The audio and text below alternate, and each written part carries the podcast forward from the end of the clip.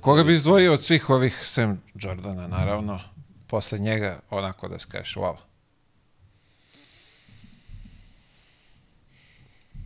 Kobe. Zbog njegovog skill seta. Znači, nije ga bilo teško čuvati u smislu energetske potrošnje, ali recimo sami skill set i to najbliži Michaelu. Ja se čak uvijek u razgovu debatama kažem da je bio talentiraniji od Michaela. Karizmatični nije, Eh, ali, ali talentiraniji, zato što je imao sve ko Michael, on je bio malo limitiran sa, ako uspoređujemo sa Michaelom naravno, atletskim sposobnostima. Veličina šake, eh, atletski skok, eksplozivnost, to. Ali je bio bolji od Michaela, imao je identično koji on sve, što se tehnike, a bolji šut za tri pojena je bolju ljevu ruku. To je moje viđenje. Ali je Michael Goat najbolji.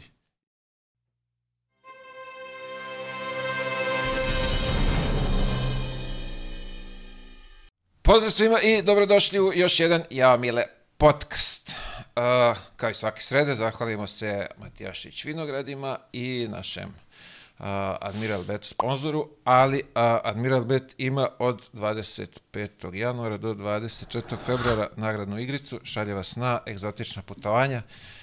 Vaše je samo da pogodite neku maksimalu, svakog dana možete da otputujete, a to ćete naći u opisu videa i to je to. Imamo modbicu da nam pomognete da, raste, da rastemo zajedno. Zapratite YouTube kanal. Uh, zahvalimo se i PayPal ovaj, e, donatorima i naravno hvala svima koji su na ja mile prodavnici i kupuju naše proizvode. Danas imam čast i zadovoljstvo da ugostim rođenog uh, Osam puta čovjek je bio prvak Hrvatske. Uh, bivši NBA igrač, šuter, ubica, Goran Giriček. Je. lica. Dječeg lica, može tako, da bacamo rime. Gira, dobro nam došao. Hvala na pozivu. Hvala na izdvojenom vremenu. Od Zadra, do, do Beograda, do podcasta, jel? Tako je, da. Koliko je prošlo? Prošlo je nekih?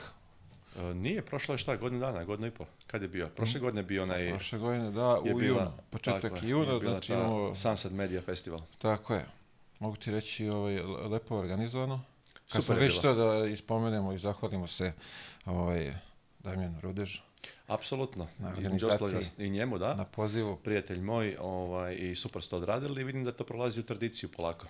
Pa najavili su da će, ako sam dobro razumio, svake godine da... da, da. Mislim da imaju najavu čak i bolje goste ove godine. Opa. Da, da, bit će fora. I kako se prošle godine su bili ovi iz podcasta, kako se zovu?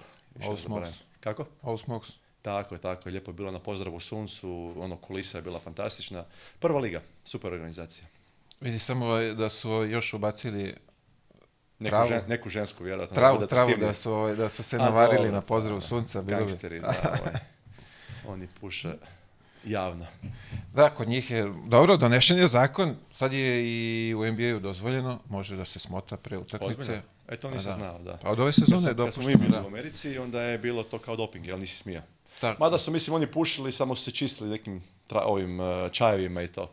Mislim da oni koji su pušili, koji puše sada, da su pušili i onda. Trava na travu. Apsolutno. Čaj na čaj. Da. I, e, a, pazi, imamo poslije, ovaj, baš za to gospodina, ja sam ga sreo u, u, u, u hotelu u Njujorku, on je bio navaren, odvaljen. O, na je video, spomenut ću, imao si prilike s njim da igraš, poslije ćemo se dohvatiti toga. ajde ovako, šta je, čime se baviš sad u, u ovim penzionerskim danima? Kako izgleda tvoj život? Uh, jako uh, zabavno, putujem puno, recimo da mi to strast nekakva. Putovanja, dosta često sam na putovanjima, uh, dosta hobija imam, Uh, radim nešto za junior MBA uh, sa mladima na nivou osnovnih škola. Zapravo to je Eh, liga organizirana na nivou osnovnih škola po principu NBA. Znači mi dolazimo, ima nas jedno 15 ambasadora, bivših igrača NBA i onda dolazimo tu po zemljama uglavnom Europe. Ja sam bio između ostaloga i u Kazahstanu. Super iskustvo, upoznaješ ljude, ostaješ u kontaktu s njima, ali s djecom radiš, znači dolazimo ili je draft day, znači biramo, izvlačimo ekipe za koje će osnovne škole igrati ili dolazimo na finala pa im dijelimo nagrade, odnosno prstenja za pobjednicima, napravimo naravno i neku basketball klinik, jel? znači radimo treninge s njima jedno, jedan dan, malo s njima popričamo i super. Eto, to traje jedno, dva, tri dana i to mi je recimo super satisfakcija da sam ostao blizu košarke, jer sve o, ostale stvari sam se odmakao, sam se apsolutno van sporta sam. Nakon završetka karijere, apsolutno više nisam niti u dvoranama, niti pratim sport, e, košarku, niti gledam utakmice, tako da to mi nekako, ajmo reći, e, jedna stvar koja me drži još blizu košarka. E, ne znam, bavim se nekretninama, iznajmljujem to, u sam školu klavira, znači jako, jako puno stvari i vidi naš zajednički prijatelj, ovaj jedan koga sam ovaj, kontaktirao da mi da neke ovako zanimljive informacije za rekla tebe. Mi je, rekla mi je i Vesna Jeliš da si je kontaktirao. Ne Vesna, ok, Vesna, da, nego prijeti, kažem, to je muški rod, prijeti. Ako ovaj- muško-žensko prijateljstvo ne postoji? Ovo... Ovaj- je bi se složiti s tim, jel postoji ili ne postoji? Je, pa pazi sad ovako, ne znam, meni je to nekako, Ha? Ti si više... Pa postoji, ali rijetko, ajmo reći, postoji, ali rijetko. Ti si Vesna i ja smo prijatelji, apsolutno. Zato kažem da postoji. ok, e. rešili smo i tu misteriju. Malo pre smo pričali o misterijama, evo i e. tu smo rešili. Ovaj, Marko Banić, zvao sam ga, da, kaže, evo me u Londonu, ugovaram yeah. Wembley za njega, ovaj, YouTube će da bude, ovaj, YouTube da bude predgrupa tebe za kad budeš. Aha. Tako da je na zadatku tamo. Carnegie Hall. Je to nešto u Londonu, ili je? Jesam dobro? Ne, on spominje Wembley. Aha, Wembley. Da, da ja više za klasiku, ovo je Carnegie Hall, to je ovako klasika. Više paša za klavir. Kaže, pozdravi ga mnogo, tu sam nešto je, da za pratim njega. Ga, pratim ga na Instagramu, vidim da isto putuje dosta i drago mi da uživa u životu posle karijere. Ja e, mogu ti reći, onako, moj neki zaključak da možda ti zavidi malo. Meni? Da. Pa nema potrebe, mislim da njegov Kaže, ovaj zna da živi, ovaj živi punim plućima i pa znaš kako je, nije do, nije do kažem, neko bi rekao zbog love i to ima ljudi koji imaju puno više novaca pa jednostavno ne zna šta će sa sobom.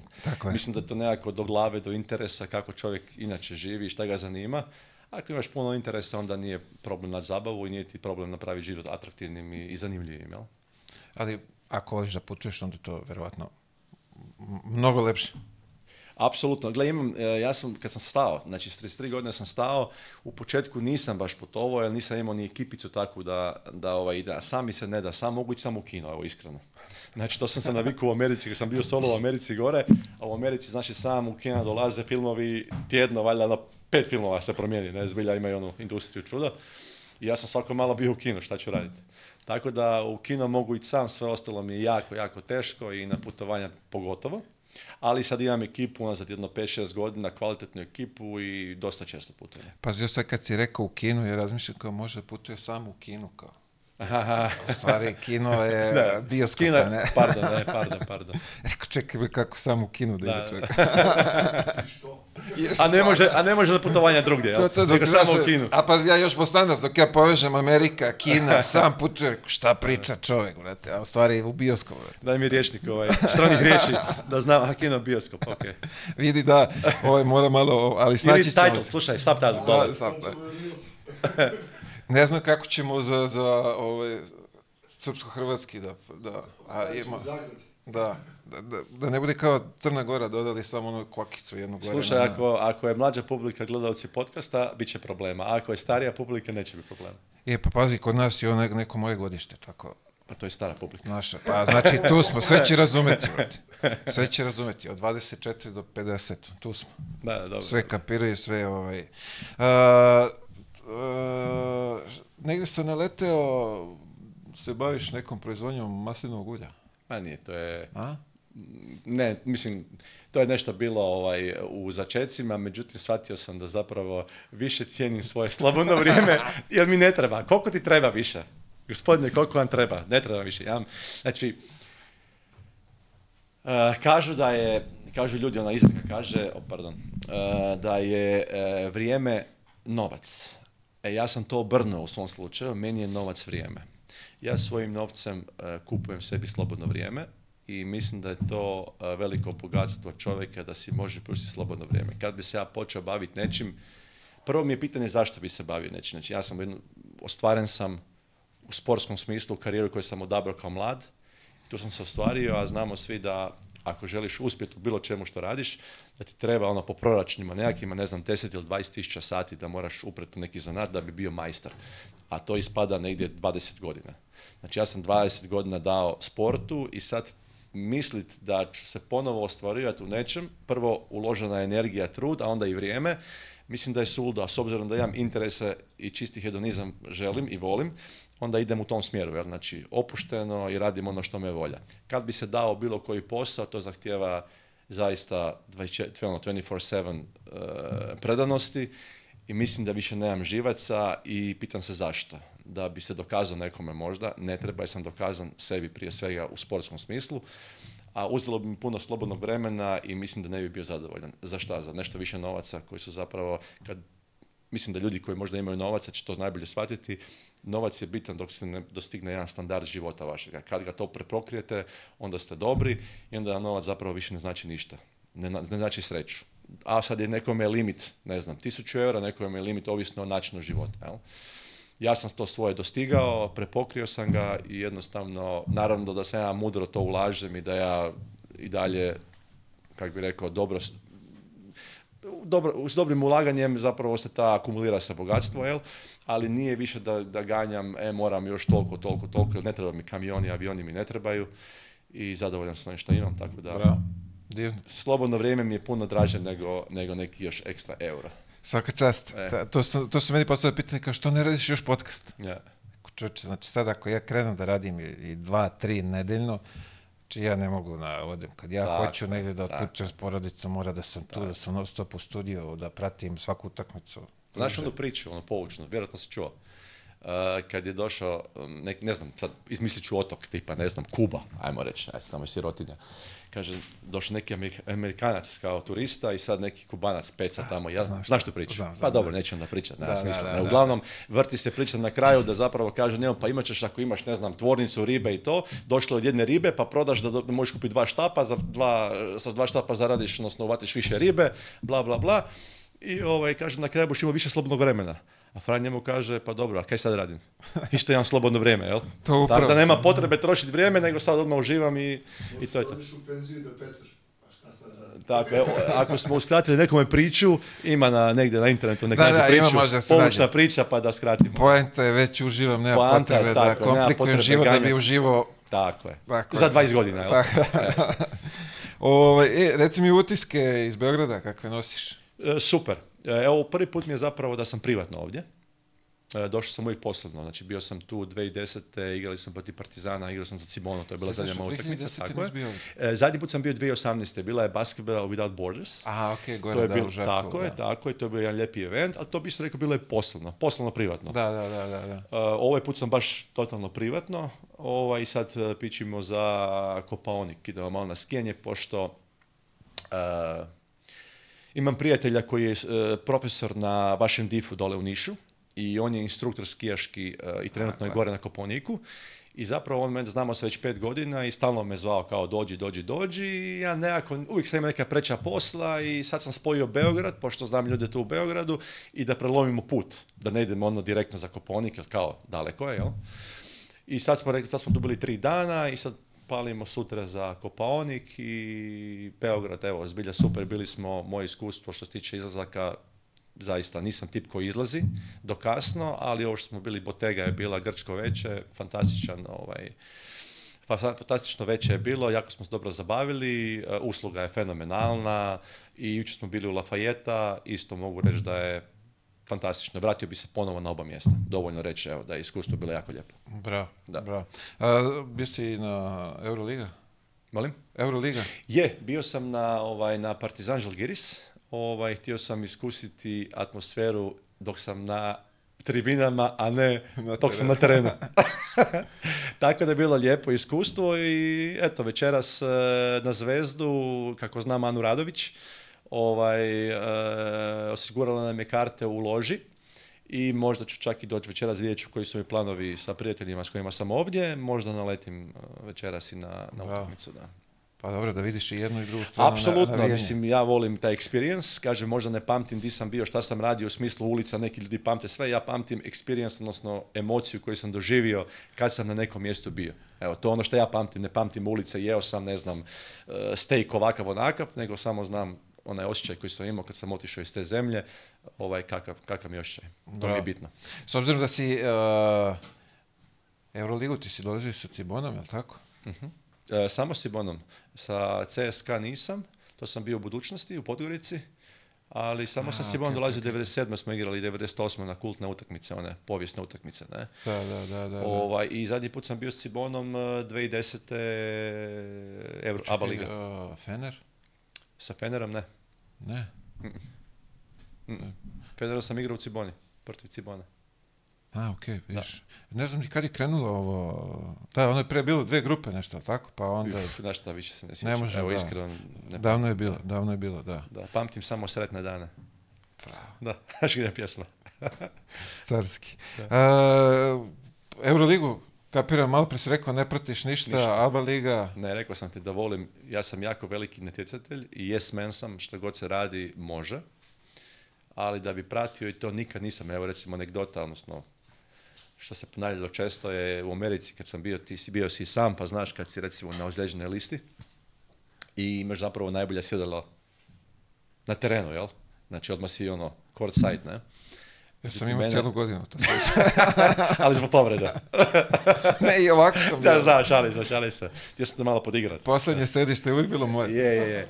Ovaj, e, uglavnom, e, bolila me glava.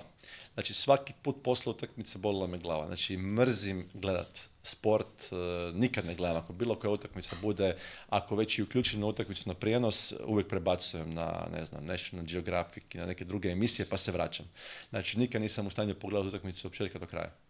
Jednostavno gledam to vjerojatno drugačijim očima, pogotovo u košarku. I jednostavno nisam, nisam stvoren da, za gledanje. Za igranje, mogu igrati tri dana, ali gledat ništa.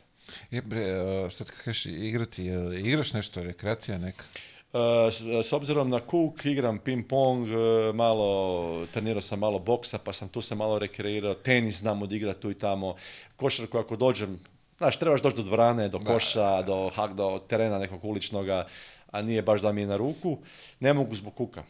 Ovaj, možda bi češće radio neke stvari, neke sportske aktivnosti da sam zdraviji, ali kad riješim kuk onda ću se možda aktivirati malo više, ali ovako ne, trenutno ne. Čekaj, to te baš... Moram mijenjati kuk, da. ujutro Da. Zbog toga sam i stao, 2010. je bila kozmetika, e, brušenje samo hrskavice i ono, okuštavanje oko bedrene kosti je bila pa su mi to brusili. Očito se nije opravila kako treba. Ja sam tu vjerojatno kikso jer nisam napravio rehabilitaciju možda kako sam trebao. Mhm, mhm, mhm. I sad s vremenom to odlazi sve više i više. Nisam kandidat za operaciju kuka odmah, ali ako želim mogu. Čekat će me sigurno dogledno vrijeme. E, ja više gledam da bi napravio sada iz više razloga, to je e, mlađi sam, pa se mogu lakše oporaviti. A druga stvar što mi je možda i bitnija, e, kvaliteta života će mi biti puno bolja jer ja zaista sam aktivan i motor vozim i, i brod i moraš uvijek skočiti, o se, znaš, moraš biti agilniji malo. Uh, I bilo bi mi dobro bi mi došlo da mogu e, normalno funkcionirati. Ovako mi ipak malo teže i već mi nakite, to mi se popelo. Kad stalno svaki korak osjetiš bol, nije ugodno, kod da te neko nožem reže. Zato mi ovdje pričamo da profesionalni sport nije zdrav. Smo mi svi pa nije, da, nije, ali zdravi je od ležanja na kauču, u svakom slučaju. To Najbolja jeste, rekreacija, apsolutno, hodanje i to ali nije, nije zdrav sport. Na kraju dana i kad imaš povredu, imali smo i ti i ja povrede, sportska medicina je nešto što te baca nazad na teren vrlo brzo, dok recimo kad si običan ono, čovjek, jel, građanin, ipak imaš malo više vremena da to prirodno zaliječi, oni tebe krpaju samo da se vratiš i to ostavlja posljedice to se neko sjeti kasnije kad si stari. Užasno. A pos, e, lako je njima zaradili milione, šta ih vidi kako da, žive. Da, samo oni moraju znati. A onda bez kuka, bez kolena, bez pršljena. Ali vjerujem da bi svatko e, napravio isto i ja ne bi mijenjao ništa, da je bilo i gore, s obzirom što mi je sport sve dao. Ali ono što je problem što ljudi tako pričali, ali mislim da ljudi nisu zlonamjerni. Ljudi to pričaju iz čiste, čistog neznanja, jer nikad nisu bili u tome, pa ne znaju što sve, koliko si ti, koliko sam ja i koliko je neko drugi koji je bio u vrhunskom sportu e, e, se trudio i davo svog djetinstva da nisi ništa vidio, niti doživio, e, i ozljeda koji si prošao, da ne govorim samo fizički, nego i psihički, jel? kad te neko zanemaruje pa novinar napiše neku ružnu riječ, ti kad nisi psihološki stabilan u trenucima 16, 17, 18, 19 godina, na to, to utječe jako na karakter osobe. Evo danas gledamo ovu kulturu gdje kao ne smiješ nikome ništa reći, ljudi se odgajaju i zapravo su jako nikad nisu bili nesretni jer ne mogu istrpiti neku kritiku. Mi smo odrasli možda neko drugo vrijeme, to nas je možda i očvrsnulo. Jel? Tako da ljudi gledaju samo završni onaj sliku Ronalda koji ima milijone, a nakon Ronalda ima stotne i stotne tisuća ljudi koji su počeli, možda bili talentiraniji od Ronalda, ali nisu imali nešto ili su povređeni bili ili psihički nisu bili jaki, koji nisu uspjeli. Jel? Tako da gledat samo kroz prizmu novaca je lako njemu, prošao je on sito i rešeto da bi došao do toga, ali to se može prebaciti opa, na bilo koji segment života i posao, biznis ako radiš, ti moraš 15-20 godina tesa da bi nešto da bi ubila plodove. Jel? Tako da ono, to ljudi samo koji su uspješni, koji su uspjeli znaju koji to mentalitet mora biti i koja psiha mora biti jaka da bi došlo do tak nečega. E sad, kad spominješ to, pre neki dan sam uh, naletio na izjavu Mbappe, ja mislim, ovaj Francus, uh mhm. -huh. ovaj futbaler, da, uh, i rekao da bi, ne znam, koliko miliona šta, samo da može normalno da živi, da ode u restoran, da ga niko ne maltretira, da... da, da. E, vjerujem, u početku to možda može biti jako zanimljivo, hvala Bogu naše podneblje ovdje nije tako. Ovaj, zaista ja nemam nikakvih loših iskustava, zapače zapravo su uglavnom pozitivna, ali mogu pretpostaviti, sam bio u Americi pa znam kako je nekome koje je tako popularan, naravno da se ne mogu ni ja mjeriti sa Mbapijom, Mbappe ipak svjetska klasa koja je osvojio i zlatne kopačke i prvaka svjetskih prvenstava i tako dalje ali ne bi, ne bi mu ni ja bio koži. Mislim da je želja svima koji imaju, koji su uspješni, koji su poznati da budu eh, anonimni i bezobrazno bogati. Onda možeš raditi šta god hoćeš, a niko ne zna. To je najveće, to je sreća najveća, po meni. Pa pazi, ovaj, komplikovano je to, znači. Apsolutno, ili jedno vuče drugo, jel? Rijetke e. su situacije kad imaš nekog biznismena, neku familiju koja zapravo ima i takvih, koji zapravo imaju i jako su imućni, a niko ne zna za njih sportske figure su uvijek, pogotovo nogomet, pogotovo, ja bih rekao, ja bih rekao čak košarka najviše. Zašto? Zato što si ti nogometaši ipak na terenu malije, pa tu i tamo ga neki napravimo face up, nego pa ga ljudi prepoznaju. Jel? Međutim, košarka je svaki penal, svako bacanje, ovaj, ti je, si face up, ljudi ti jako puno kuže. Američki nogomet imaš masku, e, bejsbol imaš onu kacigu, znači hokejaš ima masku, jel? Znači ne možeš se baš poistovjetiti kao sa košarkašem po meni. Pri tome košarkaš je visok. I između ostaloga, I ti kad se pojaviš vani... pojaviš... Da, eto. Odmah, te, odmah si zamječan. Tako da nema šanse da pobegneš. Ta pa visina mi je ušla u psihu kod plesa. Znači, to mi je najgora stvar za raditi. Kad se moram dići ići plesat. Uvijek mislim ono, all eyes on me. A zapravo nikome ne jebe 5%, znaš. Ali to ti je psiha. To je taj subjektivno. A radim na tome, gle, upućnice. Lafayette bilo je za Čak i Grško večer razbijenje tanjura malo. Pa, Tako da. Za svoju dušu, što bi rekli. Da, da, da da sam si oduška. To me niko ne zna. Pa mogu ali, to je ali to je dobra stvar. Svi ono kao daj da odem negdje da me niko ne zna da se opusti. E, Las Vegas za sve koji žele biti anonimni to alter ego u Las Vegasu je dopušten. Znači niko vas ne... Se smije psovati? Sve kod mene dozvoljeno. E, niko vas ne jebe posla. Znači možeš šta hoćeš. Nisam u granicama zakona, naravno. Da, nisam bio, ovaj, nadam se da ću imati... Obavezno, znači Las Vegas, ja sam bio tri ili četiri puta i svaki put kad odlazim, Možeš ja sam nešto propustio. da se moram vratiti. Tako da, eto. to. doći ću, doći ću svetla, Svetla grada, što bi se rekli. Ma nije tako, ja ti volim moj ovaj, taj Texas Hold'em, ja igram na onaj small roller, nisam ja za one high roller. Pre, teško sam ja pare zaradio da bih trošio tako lako. Ali sam našao, ima Bailey's hotel, ja bio sam u nekoj predstavi tamo i izađem ja van i vidim, tamo je bilo od nekog šoa, smo imali vremena i vidim ja tamo ljudi kartaju poker. Ja sad pitam kao šta je ovo, ali nije protiv dilera nego ti imaš osmero ljudi, imaš jedno 15-20 stolova i sad tu se karta. Ono, 300 dolara ti je buy-in i kockaš. Ja kocko, ne znam, 2-3 sata, na kraju izašao možda izgubio 50, 50 dolara, ne? Tako da je ono fora, jel nije da gubiš puno para, a opet ti gušt, kartaš zapravo protiv svih za stolom. Je, psihologija je drugačija nego protiv dilera, jel? znači imaš ono petoro za stolom i karta se protiv dilera. Nije to isto, jel? Moraš da čitaš, da znaš da blefiraš. Tako je, tako je, tako je. I volim ti te šove, to obožavam. Znači, inače idem u kazalište, pozorište, za mlađu generaciju, pozorište. Kazalište, ovdje će neko razumjeti klizalište. da, da. ovaj, tako da volim predstave njihove, oni rade spektakl. Znači, oni su majstori spektakla ja, e, e, možeš da uporediš Lafet i to, a? to e, pa ovako, znači, uporedit ću Lafayette i Zagreb. Znači, definitivno Lafayette je tri koplja ispred, zato što, evo, baš smo pričali, jednostavno, došli smo u devet ili deset u Lafajet, mi do dva nismo stali. Znači, to je konstantna akcija. Ova izlazi sa krova, ova iz desno, ova lijevo, pjeva, pa se pojavi iza mene, pa plesačice, pa dođe ova sa zmijom. Mislim, to je konstantno nabildavanje atmosfere gdje ne možeš ostati imun da sjediš, nego se jednostavno dižeš i, i, kreće parti. Ne? Što se tiče Amerike, mislim da ipak Amerika ovaj, prednjači od svih ne mogu reći da je više toliko daleko, pogotovo kad uspoređujem Lafayette. Ono što smo razgovarali, definitivno bi se vratio, opet prije što sam razgovarao, da bi ošćaj koji sam imao Lafayette, da bi se vratio.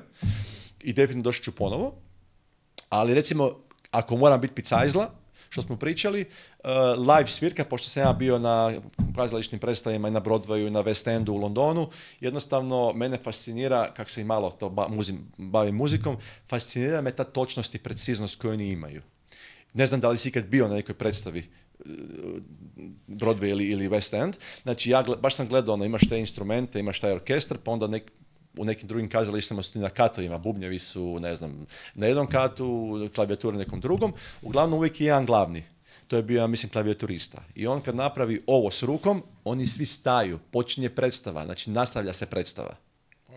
I to je nešto što, što je meni bilo fascinantno, da oni nisu na istom mjestu, on kad napravi ovo preko ekrana, da oni staju u sekundu, u milisekundu. Tu nemoj da ti čuješ ton poslije. I automatski se stvara u očima, one, u ušima ošće vakuma nekakvog. To ne, to ne mogu to opisati uopće. Uglavnom, to me mhm. fascinirala ta točnost i preciznost, a na kraju dana i svirka kad oni počnu solirati, bio sam, gledao sam ovoga We Will Rock You, kad se još prikazivala u Londonu o Queenu, pošto je meni Queen jedna od omiljenih e, mhm, grupa mhm. ikada ovaj, to me fasciniralo. I recimo kad bi Lafetu još bila živa svirka, ali znam da je teško to uglaviti negdje, jer to nije beskonačno velik prostor, to bi mi bilo top, ne, ono, brutalo. A ovako je bilo jebeno.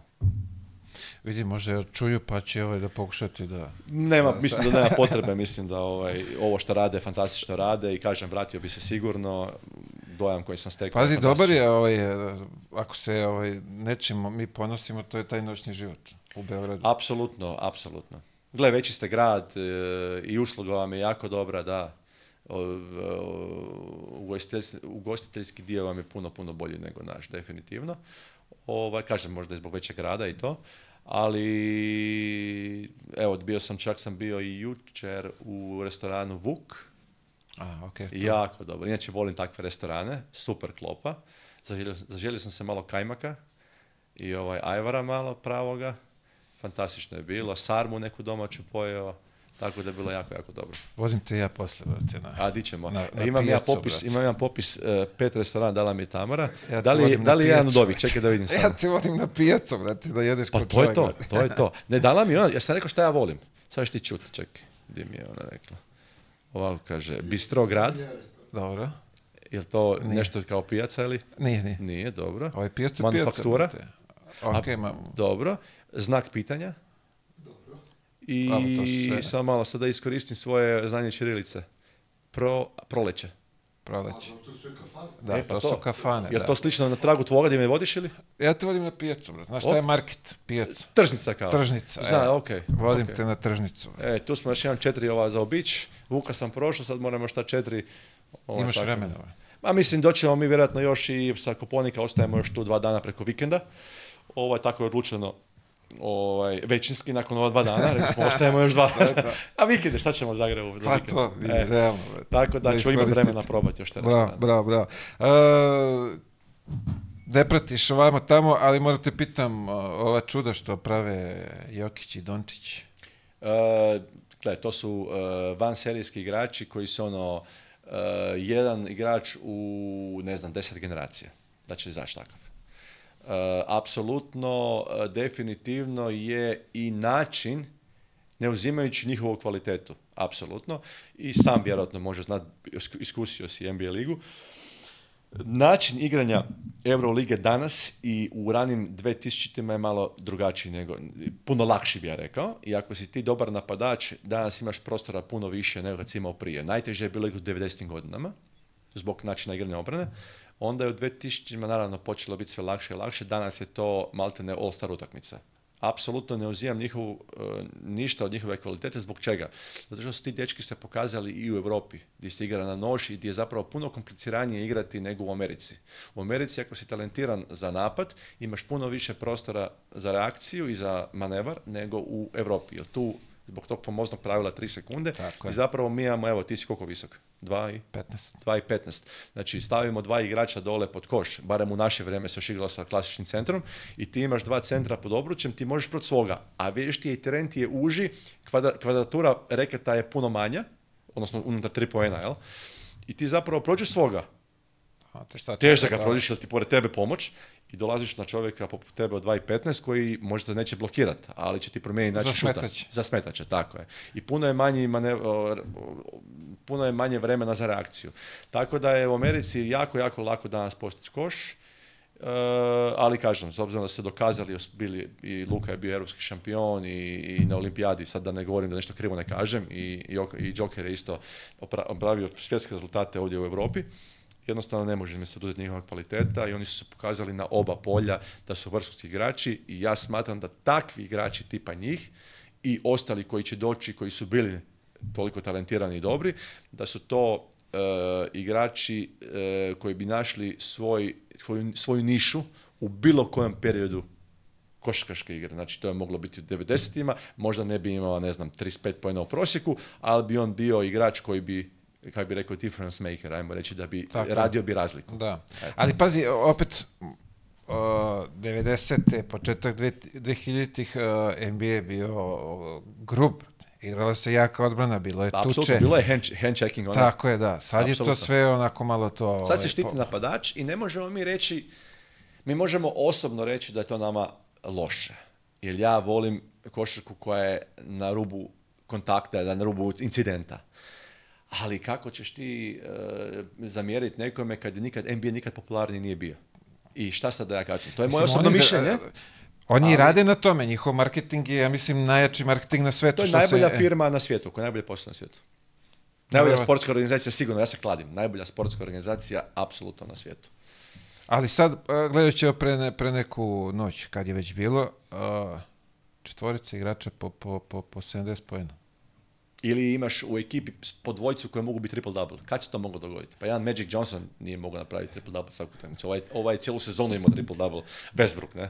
Stani malo ono. Mislim, opet, ja sad gledam, njih dvojica su dali, po, koliko je dao Dončić, 73, ovaj dao 70, jel tako? I razmišlja, čekaj, igram protiv njega, pa brate, skrši ga, nemoj ti da pet, neko penala i... izađi, kući, a, napravi pet penala. To, a to ti, je, to ti je ono što recimo smo možda mi kao generacija imali u sebi još uvijek taj inat, taj dišpeć, da kažu u Dalmaciji, da jednostavno ne može. Znači, ne možeš me obrukat. Znači, meni da zabije netko 73 pojena, ja bi se ostavio košarka. Znači, ja rađe van, odlazim sa pet penala, tehničkom šta god, dve utakmice na igranja, nego da mi netko zabije 73 pojena. Eto. Mis, ne, ne znam, opet mi nije jasno. To, je taj, to, je taj, to je taj doživljaj e, sporta danas, da jednostavno mlada je liga, um, kak bi rekao, nemaju oni taj, kak bi rekao, nemaju taj osjećaj važnosti i tog respekta sami prema sebi. Jednostavno njima je bitno, oni igraju tu su, e, imaju neku lovu, zaradu neku, zapravo danas je velika lova se vrti, za čovjek se zadovolji, jednostavno ne brine ga nema taj dojam o sebi, gle, ovaj me disrespektirao, to, to, to, nije respekt prema sebi da ga pustim da bi 73 pojena. Ja to nikad ne bi dozvolio, evo, realno. I, nema, znaju da je plata sigurna leže svakog Mogu, prvog i Moguće je to, se trava legalizirala tako, i ne dali su što su htjeli. Sve imaju. Nema ko u Europi da će, kad će kazna da bude, da, šta će, da, da, kad ćeš dobiješ otkaz. Znaš da je garantovano sve, sve miraš se, izađeš, igraš se, košarke i to je to. A da I s druge strane možda im nije toliko, eh, toliko bitno zato što imaju 82 utakmice pa jedna utakmica više manje pa to, onda se, pa to se onda akumulira, akumulira pa onda takav mentalitet i dobiješ kao nije bitno. Tu kod nas je bitno sve. je svaka bitna. Nama je četvrtina bitna, jesi dobio ili nisi. Znaš ono. Bitno je. Ovdje ispadaš iz lige, ne ulaziš u play playoff, imaš nismo... milion onih tamo je kod laganica, april 15. se završava, čao. Kad sam bio u Ciboni, mi smo, to je bilo od 97. kad sam ja počeo reći igrat, mi smo imali dvije petorke, mi na treningu nisi puštao. Znači igrali smo, znam od Petrovića, to su mi bili najbolji trenzi, igrali smo uh, četiri seta do 11. Znači, frajer je navlačio da bude gusto. Znači, neko ima 8-3, Namigneš šaci i tehnička, dum, ono, penala, što onda stignu ovi koji su kao lošiji. I to je bila zajebanca, ti kad si izgubio, tebe su vređali. Zajebanca, ono, sprdnja u slačionici i ti dolaziš drugi dan, sad ćeš ti njih sprdat, znači nemaš šansa da pustiš. I to je bilo ono, cijelo vrijeme tuča, tuča, tuča i tu se zapravo rađa kvaliteta i napreduješ, jel? Da, pa, ono, kad te baš brige, to nije sportski mentalitet. To je ono, meni je to bez Da, da, mora da postoji da neki, neki inak. tenzija mora biti. Može doći ovaj, da, 70 i, i hvali se i tom izgubi utakmicu. I slika se, znaš, kao da sam, ko je onaj, kako zove, Towns, kako ne, neko je da, 60 nešto jedna slika se, znaš, onaj papirić, kao svi smo, ovaj, a izgubio si rođeni utakmicu. Pa ja, ne bi, ono, je, sramota, brate, je, je poimanje sporta danas, ali mislim da se cijelo društvo se mijenja u tom smjeru. Puno je, kak bi rekao, blaže sve. Pa generalno u cijelom svetu ti danas sramote nemaš nikakve, ako gledaš. Da. Da. Znaš, sad da li on da mu dao 70, da li je ovaj da. da li je... Da, da, slažem se. Da, da, da, da, da. Nemoj nekog, mora se danas se mora biti, ne znam, mislim da počinje malo braniti, kažu svi sloboda govora, mislim da baš i sloboda mišljenja i govora ne postoji. Evo iskreno. Pa mislim nema, da ljudi ako nisi ako ako nisi mainstream orijentiran u bilo kojoj temi, onda si izvrgnut poruzi i smatraju te da si, ne znam, ovakav ili onakav, što mislim da nije dobro, jer mislim da svako ima pravo na slobodu govora mišljenja i to ne bi trebalo nikoga vređati, to je samo njegovo mišljenje, ti možeš birati da li ćeš tim osobom ići na kavu ili nećeš, ali baš da se onako dižu tenzije oko toga, mislim da je to suludo. Ne znam kako je kod vas ovdje, koji e, izrazi slobodu govora možda i u policiju da završi. Čuj, ne znam e, kakvi kod nas, nemam pojma. E, možda nije tako striktno kao kod vas, ali, ali ako ideš preko vrti mainstreama, imat ćeš neku sankciju sigurno. Pa, da, li će to, biti javna poruga i to kroz novine, to ne, moguće. Da li će biti baš policija i zatvor ili pritvor, nisam siguran, ali sigurno imaš neke konsekvence, ćeš imati 100%. Svugdje to je isto, samo pitanje na kom nivou. Apsolutno, da. da. E, vidio, kod mene ima ovdje rubrikica jedna kad mi vraćamo u, ovaj, u detinstvo da, da vidimo kako je izgledalo tvoje odrastanje. Pa moje odrastanje je izgledalo e, jako lijepo, u mojoj glavi jako lijepo, komparirajući sa odrastanjem današnjih. Imam kćeri to, naravno da oni to ne mogu znati kako je nama bilo. Ja vidim šta se događa danas i meni se to ne sviđa. E, ajmo reći, ulice su bile pune djece, tereni su bili pune djece, mi smo bili stalno vani, bilo je sigurnije doba, i bili smo mislim spontani i ne znam, nekako je to bilo drugačije i ljepše. Kažem, ja mislim da možemo suditi mi koji smo prošli. Ne mogu suditi djetinstvo moje mame, mog tate, jer on, to nisam doživio, ali sam doživio djetinstvo moje kćeri i onda mogu komparirati, mislim da je naše bilo puno ljepše, što ona ne može shvatiti naravno. Ovaj, ali shvatit će kad ona bude starija, kad usporedi, jer ja mislim da je sve gore i gore. Ljudi su sve otuđeni i otuđeniji i ne znam dokle to vodi, do reseta vjerojatno. A šta će biti reset, vidjet ćemo, možda i uskoro. Ja ne znam. Ne, evo. Kako je krenulo, možda i uskoro. Možda i uskoro, da. Tako da bih rekao da mi je bilo lijepo, ja sam, sjećam se djetinstva da sam stalno bio vani, da sam se s prijateljima igrao i od sporta do lovica, sve ono što smo radili kad smo bili mladi. E, bilo mi jako, jako lijepo. Kad kreće taj e, sport, košarka, kako to krenulo sve? E, sport kreće spontano, nikad planirano. zapravo sam trebao kao svako dijete otići prvo na nogomet, i čak sam imao i kopačke, došao sam pred ulaz u slačionu nogometnu sa trojicom prijatelja, e, još sam bio osnovna škola, jednostavno sam oni su ušli, ja nisam ušao, ja sam ušao kući. Čekaj, došao si sve u kopačke i vratio si... trening je bio.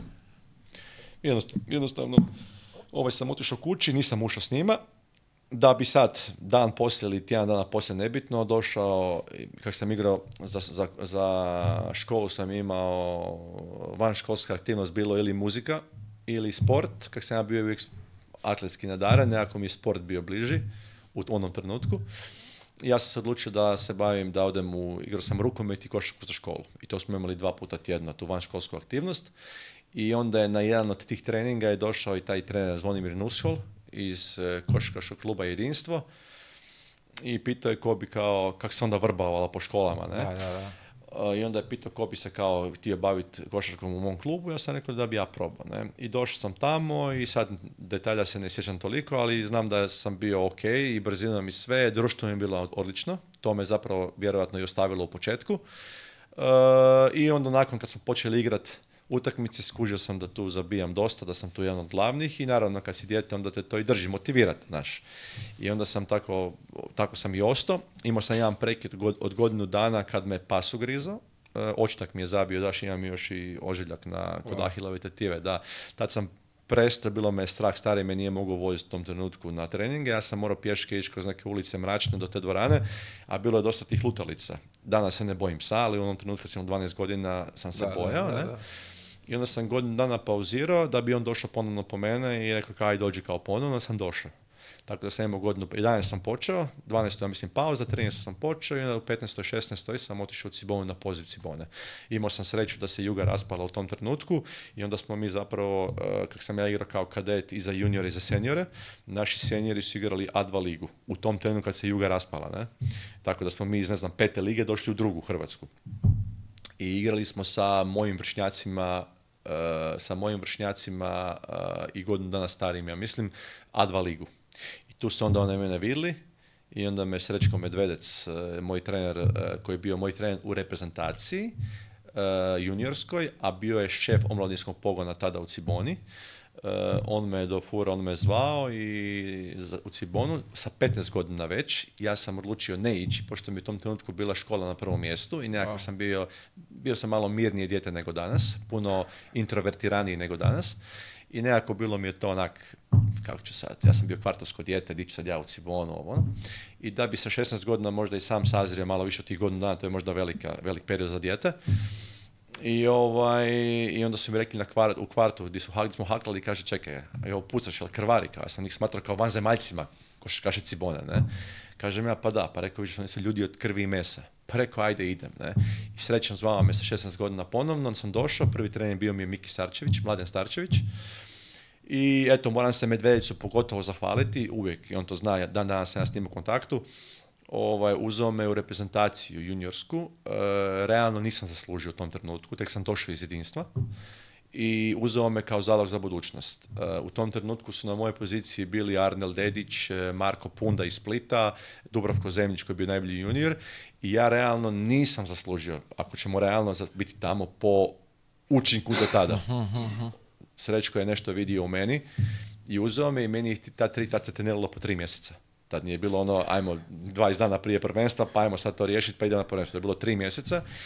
U ta tri mjeseca sam stekao strahovito samopouzdanje. Sam igrao s najboljim igračima u Hrvatskoj. Nije mi bilo lako. Ja sam bio introvertirano djeto, bio sam sa njima fakinima tamo i tu je bilo i miskomunikacije, nisam znao ja ponašati. Ja sam kod njih učio, ja sam od njih učio od pozitivnih baraba kako se socijalizira. Jel? Kako I, te društvo pre vas pita čas Apsolutno, i to mi je, i s te strane mi je pomogla reprezentacija, da se krećem među drugčijim ljudima, drugčijim mišljenjima, da naučim se socijalizaciji nekakvoj, I, a pogotovo u košarkom smislu, u smislu samopouzdanja i znanja. I ništa, kad sam se vratio u Cibonu, ovaj, sam i šamaro odmah, ovaj, odmah sam se postavio kao glavni i onda je tu počelo uzlazno i nije, nije stalo do, evo, do 2010. Ja, recimo, još sad eh, ti početci sami, ovaj, kad si vidio da to lepo funkcioniše, da ti ide sve, ovaj, zanima me, jesi imao neka maštanja dokle bi voleo da stigneš i neke uzore? Nikada. Nikada, da. Ja sam ti rekao, ja ne pratim sport. Znači, nikada. Kad je igrala bivša Juga, u kasnim 80-ima, kad sam još bio svjestan, kad sam bio svjestan da ne se neke događa, ja sam se van išao pikulat kako se, klikeri. Klikeri? E. Znači, mene ti sport apsolutno ne zanima gledat. Ni dan danas. I jednostavno, kako sam išao stepenicu po stepenicu, možda je to dobra stvar. Možda se nisam opterećivao previše. Mhm, mhm, znači, ja mhm. nikada nisam razmišljao šta će biti sljedeću godinu. Meni je bilo bitno da ja vidim svoj napredak i da uživam u trenutku u kojem jesam. Nekako se to sve slagalo, slagalo, slagalo. Došlo je baš spontano. Bila je i Euroliga, odnosno bio je draft, pa je bila Euroliga, pa je došao poziv za Ameriku. Nikad nisam maštao, ja moram doći do Amerike, ja moram biti europski igrač. Nikada. Pasalo mi je što sam radio, e, bio sam dobar, igrao sam dobro i nikad nisam gledao previše u budućnosti. Ovo me sad zanima, ti znači dolaziš, ulaziš u, u, u seniorsku ekipu, ako sam ti razumio, sa 16, li tako? Evo, ne, ovako, ja sam sa 16 godina došao u Cibonu tek, okay. relativno kasno. Aha, aha. Znači, ja sam bio na jedan trening dnevno, do 16. godine, što je jako, jako kasno. E, zvali su me kamenja, Kamenko, ja sam danas tvrd. Ja nisam mogu prste tako na nogama, kako sam bio tvrd. Mi smo u jedinstvu, šta ono, malo podrbaš koljena, vaciš loptu, ajmo igrat. Nema tu istezanja, znaš. Tako da, ovaj, ja sam sa 16 došao u Cibonu kao junior, Eh, kao, kao 19-godišnjak sam eh, došao u Cibonu, s time da, u seniorsku moćat, pardon, eh, s time da sam se ja izmjenjivao sa Dubravkom Zemljićem. U tom trenutku smo mi bili o, zapravo konkurenti za seniorsku momčad. U tom trenu nas još nisu, nisu se odlučivali koga će uzeti, sa stalno, a koga će dati na posudbu. I sad tu ima jedna stvar koju nisam baš puno ljudi rekao, nije niko mi nije pitao na taj način, pa nisam došao do toga da bi rekao. E, to je naravno moje mišljenje, onaj moj dojam cijele situacije kako se izdešavalo. Uh, e, Dubrovko je imao prednost nad menom, zato što je bio najbolji junior svijeta, igrao je, on, ja baš sam pogledao njegove neke isječke na YouTube-u, on je igrao protiv Garneta, kao ono reprezentacija svijeta protiv Amerike i on ih je tamo, činio ih je smiješnim. E, I imao je naravno prednost, bio je najbolji junior Europe i apsolutno. Međutim, ja sam uvijek, taj držav karakter, se uvijek trudio da budem bolji, da pobjedim konkurenciju. I e, to je bilo 97. godine, uh, seniorska reprezentacija i Dubravko Zemljić je bio u njoj, na čelu sa Skansijem, uh, su otišli na turneju u Australiju. Imali su turneju po Australiji i ja sam otišao sa Srećkom Medvedecom u mediteransku reprezentaciju, na pripreme. Mhm, mhm. I kako smo imali pripremne utakmice pred mediteransko prvenstvo, ja sam zaista dobro igrao. Igrao sam odlično, a Dubravko je nešto kiksao. Ne mogu ulaziti točno šta, ali znam da je bio neki, neki su problemi bili. I kako su oni bili, komunikacija s Kansi Medvedec su bili konstantno, e, mislim da je Srećko ovaj, Medvedec e, rekao dobre riječi za mene, dok s druge strane Skansi nije bio zadovoljan sa Dubravkom. I oni su nas zapravo, prije nego što sam ja na mediteransko prvenstvo, oni su, mi smo išli na, ja sam zapravo krenuo sa seniorima u Barcelonu 97 na Europsko prvenstvo. Znači, taj period, to ljeto je zapravo bio klik gdje sam ja svičao pozicije, promijenio pozicije sa Dubrovkom i ja sam postao primaran u očima Cibone, zato što su vidjeli, ok, dečko je išao u reprezentaciju. Mene su ostavili u Ciboni te godine, a Dubrovko je bio posuđen u Dubravu. Da se nije to desilo, vjerojatno bi situacija bila obrnuta. I onda dolazi famozna utakmica 20 godina, Partizan. E, moja prva utakmica zapravo koja je mene stavila Eh, ajmo reći, u poziciju da Aco vidi u meni game changera nekakvoga, je bila sa Splitom, u Splitu gdje je bila utakmica od velike važnosti eh, zbog poredka na ljestvici, ko će imati eh, poziciju bolju za ulazak u playoff. I mi gubitkom te utakmice bi ušli na, mislim, na drugo mjesto, imali bi, ne bi imali prednost domaćeg terena. I ja sam naravno, ako neko poznaje, možda znaš onaj crtić, kada je mali nogometaš sjedi na klupi, pa nikako ne dobije šansu. I onda se svi se povređuju i onda on uđe i zabije. I pobjede i onda ga hvale. Ne? E, to je bila situacija slikovita moja. E, bio je prije mene Zdravko Radulović u ekipi tada i Veljko Mršić i Marcela i Rimac, ali ajmo reći da su njih dvojica su igrali, Zdravko i Mršić okay, su baš igrali. I ovaj, u Splitu je bilo, niko nije mogao Tvrdića, Damira Tvrdića čuvat, bio je dobar šuter on. I prvo polovreme smo gubili i Jaco me uvede da čuvam Tvrdića. Nije zabio koša do kraja utakmice, ja sam zabio 15 pojena. Dva za zakucao, čak mislim preko prkačina jedan puta. I tu sam zapravo, ja u, ocima, u očima Ace dobio kredit za sljedeću utakmicu da dobijem šansu. I to je druga utakmica je bila Partizan. Tu sam samo pečatirao kao ok, potvrdio sam nešto što je mislio i od tada više niko Čekaj, nije mogao. Partizan ovdje u Beogradu? Tako je, to je bila prva, druga je bila u Zagrebu. I to je zapravo bio moj početak, kad recimo više me nisu mogli izbaciti Mogli su da sam ja krivo igrao, ali ja sam bio i dalje radnik, imao sam period kad sam poletio malo što je normalno u tim godinama, ali sam se brzo i vratio, sam lupio sa visine dole, sam odigrao par utakmica katastrofa, ja sam rekao, gledaj majstore, ajde sa Berisa. I ovaj, e, pa sam promijenio način razmišljanja i onda sam ponovo počeo igrati dobro ali tad me više nitko nije mogao, im reći, uh, eh, maknuti, izbaciti. a, recimo, još sad ode eh, podsjeti me samo protiv Partizana. Koliko si dao? Šta, ne mogu, znam da, je... dao 14. 14. Ali je bilo bitnih koševa, dobili smo, naš mladi igrač, nikad nisam igrao prije, atmosfera bila ona brijana, a meni te atmosfere pale. Znači, meni je uvijek bilo bolje igrat ovaj, u, gostima, kad su protiv mene, nego, nego kad sam doma.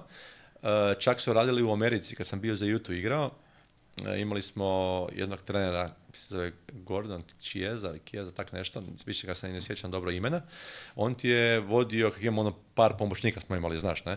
On je bio jedan od onih koji je vodio statistiku, koliko deflekcije imamo, koliko, e, ne znam. I onda je vodio, vodili su statistiku kako ko igra u gostima, kako ko igra doma.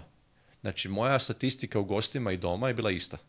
E, možda 0,1-2 poena manje nego u doma dok je drugima bilo vani su, ne znam, 15 pojena, doma, e, u gostima, zapravo doma su 15 pojena, u gostima su, ne znam, 8 pojena. Velika razlika. Ja sam uvijek igrao po meni uvijek bolje u gostima i u Zadru recimo na na atmosferi, a to mogu zahvaliti možda ne samo karakteru, nego jednostavno 16 godina kad sam imao, mi smo igrali prvenstva Hrvatske, juniorska u Zadru u Jazinama. A, bravo, bravo. Ko ne znam jesi kad bio u Jazinama, doživio atmosferu Jazina, ko to nije prošao, to je za mene meka košarke. Pionir ovdje u Beliru, definitivno. Štarka arena je fantastična, ali to nije to. Vidi, pionir je onako to su tribine ovakve. Tako je, tu su ono, svi blizu. Tako je, e, to je ono što sam ja, evo sad se ježim, to je ono što ja volim, što sam uvijek volio i kad sam došao na Ameriku, bilo je par dvorana koje su bile male, recimo u Oaklandu, to je bila mala zbijenija, tipa Chicago ili ona nova Lakers, to su velike dvorane koje su Dobro, i, hladne. i je bila onako gdje je, one kozi. Strve, da, tako je, meni treba kozi dvorana gdje je kontakt publike i terena da je blizu. Mislim, zadar, gle, mi 16 godina, dobro, djeta, šta ti znaš, 16 godina. E, prije, e, sad se ježim, cijelo mhm. vrijeme, kad čovjek sjedi tih, tih trenutaka. Znači ovako, evo ajmo reći da je ovo teren, a prije nego što su igrali Evropsku ligu, publika je bila, ograda je bila tu. Znači oni su bili metar od out linije. Dobro? Znači on te može primiti kad vodiš out, primi i vuče te u, publiku bez problema. I sad imaš 16 godina i ti izvađaš out i oni lupaju, du, du, du, mrtno, ono, ljudi od 25 do 35 godina, ne? I znam da se niko nikad nije htio ići aut izvađati jer je uvijek bilo pljuvanje. A keti ono ti na metar tebe. Samo onak ideš izvađati aut, na tebe je red i samo vidiš na kapljice sline. Ono glavno je na tebi završilo. Vidi, samo Posle... leđa. Ha? Samo okreni leđa. I pa je, je, a kapljice prođu ovuda, znaš. Onda znaš da je glavnina na tebi ostala, ona je glavni dio. I ništa onda posle pranje. Ali ovaj, to su bile draži koje su meni pasale i gdje sam zapravo ja stekao neko iskustvo igranja pred takvom publikom i skužiš da me to pali. Pa Pazi, mi smo došli dole, e, moje prvo u Jazinama, dolazim sa železnikom. Aha. Sad je to bilo ono početak e, ABA lige vam tamo. Znači, mi izlazimo kao, znaš, srpski tim. Ah, majko mila. Pri tome kad proviriš glavu gore kroz one stepenice... E, je, je, da, iz podruma se kao da, izlazi da, gore. Da. A, uvrat, brat, da, treba da, izaći od... Ja, svi drži ne. Imao sam ti uvijek, ja sam ti uvijek izlazio prvi. I e, vidjet ćeš i u Partizana kad smo ih ovdje, ja sam sa Marcelom, izađem van i šutiram si. I onda sam ti uvijek čekao, u Zadru, to sam već i prije podcastima govorio, uvijek sam čekao imali su onu pjesmu koja je meni predivna. Dalmatinac sam. Dalmatinac sam, jel? I to je njima bilo, i meni je fantastična pjesma, ja se naježim na tu pjesmu, a nisam Dalmatinac, ali obožavam tu pjesmu. I nekako onda rekao, znam da ćete me pljuvat, da ćete vikat protiv mene, e sad ću vam ući točno kad vi pjevate tu pjesmu, ja vam ulazim da vam prekinem pjevanje, da morate meni fučkat. I oni kad uvijek puštali neke pjesme, ja čekam trenutak i kad počne ta pjesma, a svako malo su je puštali, ja izlazim, oni moraju stati. I onda pučkanje. Ali moram im skinuti kapu jednu. E, Zadarska publika obožava, Inače, ljetujem preko puta Zadra i obožavam Zadar. A recimo kad sam bio s Cibonom, odnosno na All Staru Hrvatskome, 98. Čak i Atkins i ja smo bili predstavnici Cibone u tom trenutku na All Staru. I pri najavi su nas fučkali i vrijeđali. Međutim, na kraju utakmice, ja sam bio tada MVP e, All Stara i najbolji tricaš, e, pljeskali su i bili su, ono, prepoznao je kvalitetu. Dobro, da, znači, to sam vidio, evo, Grobar, kad je odlazio trener Žalgirisa, prepoznao je kvalitetu i pljeskali su njemu, tako da e, prava publika e, prepoznaje kvalitetu i poštuje to. Tako da on zbilja i dan danas kad u Zadoru prepoznaju i meni je to Milina grad i, i gušt mi je tamo otići i obožavam i, i ne ljutim se ni najmanje, zapravo mi je drago da su takvi, jer to je i meni načinilo bolje. Vidi, oni podržavaju svoj klub.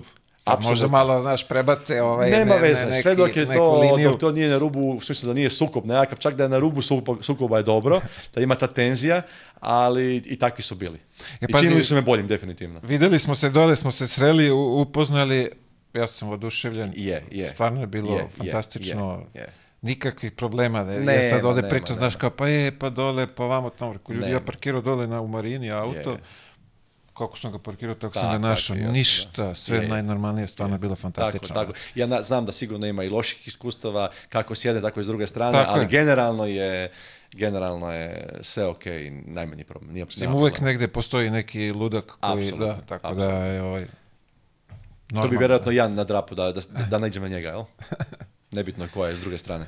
Vidi, šta znam. Ali svaka čast organizacija je bila i yeah, ovo, ovaj Summer Festival i sve je bilo super bez ikakvih problema. Jel dolaziš i ove godine ili? E, ne mogu sad ja ove godine, ovaj, imam, ne, u stvari ne znam kad se održava. Pa ne znam kad je, mislim, ja sam tamo na moru po tri mjeseca, pa onda da, ja ali gađaju me nešto na rođendan, tako da vjerojatno ću, okay, dobro. imat ću neki prečih obaveza. Biće, tradicionalan je, pa će biti dogodine. To, to, to. E, zanima me, stari, kako ste prihvatili kad si ušao u seniorsku ekipu? E, dobro, dobro. Zdravko Radulović me uzeo pod svoje, ne znajući da ću ga izbaciti iz ekipe, ali uzeo me pod svoje i ovaj, bio sam mu drag, tako da nisam imao problema. Ono što sam ja e, shvatio na greškama Slavena Rimca, jer smo mi imali kao juniori treninge prije seniora. E, I ja sam e, znao ostati, čekaj, ili, ili, ili poslije, čekaj, šta je bilo? Nebitno, da, da nešto krivo ne kažem. Uglavnom znam da sam ja znao gledati seniorske treninge mhm, mhm, mhm. i tu sam skužio da zapravo na treninzima Slaven se krivo postavio. Eh, on je vjerojatno malo drugčijeg karaktera od mene, malo je poučeniji i mirniji. I jednostavno, um, znaš kad je neko kvalitetan, ali nema karakter da nije probitačan, pa onda ostali igrači ga pojedu samo zbog karaktera. Da, Tipa, on pogriješi, a optuži tebe.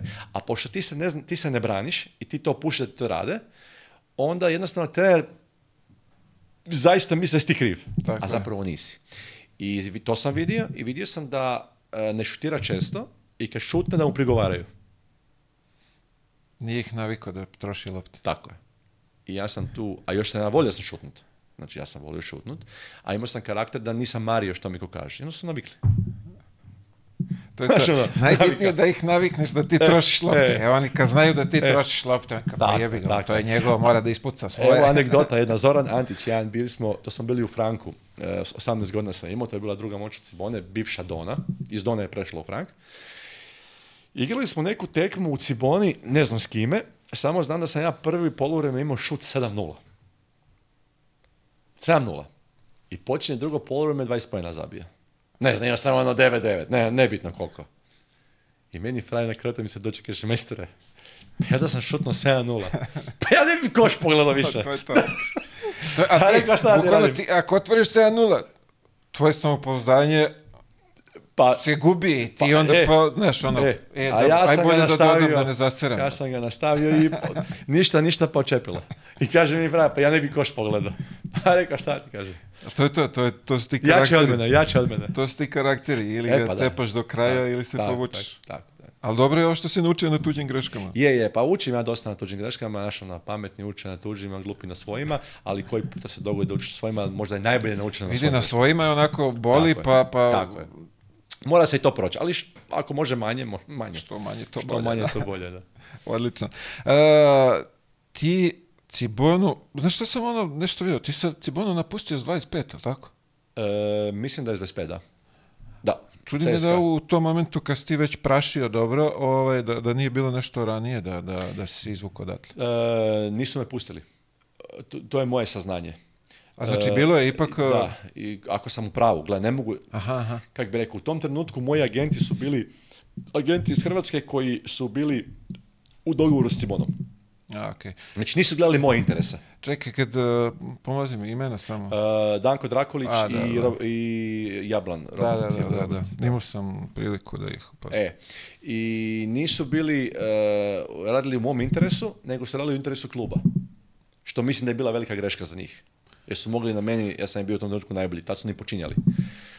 A zašto sam ja njih uzeo? Zato što sam ja bio sa Capricionijem. to je bio poznati agent talijanski u moje vrijeme, i međutim, on je u to vrijeme bio dogovor da oni meni ne uzimaju ništa dok ja ne zaradim neki prvi profesionalni ugovor.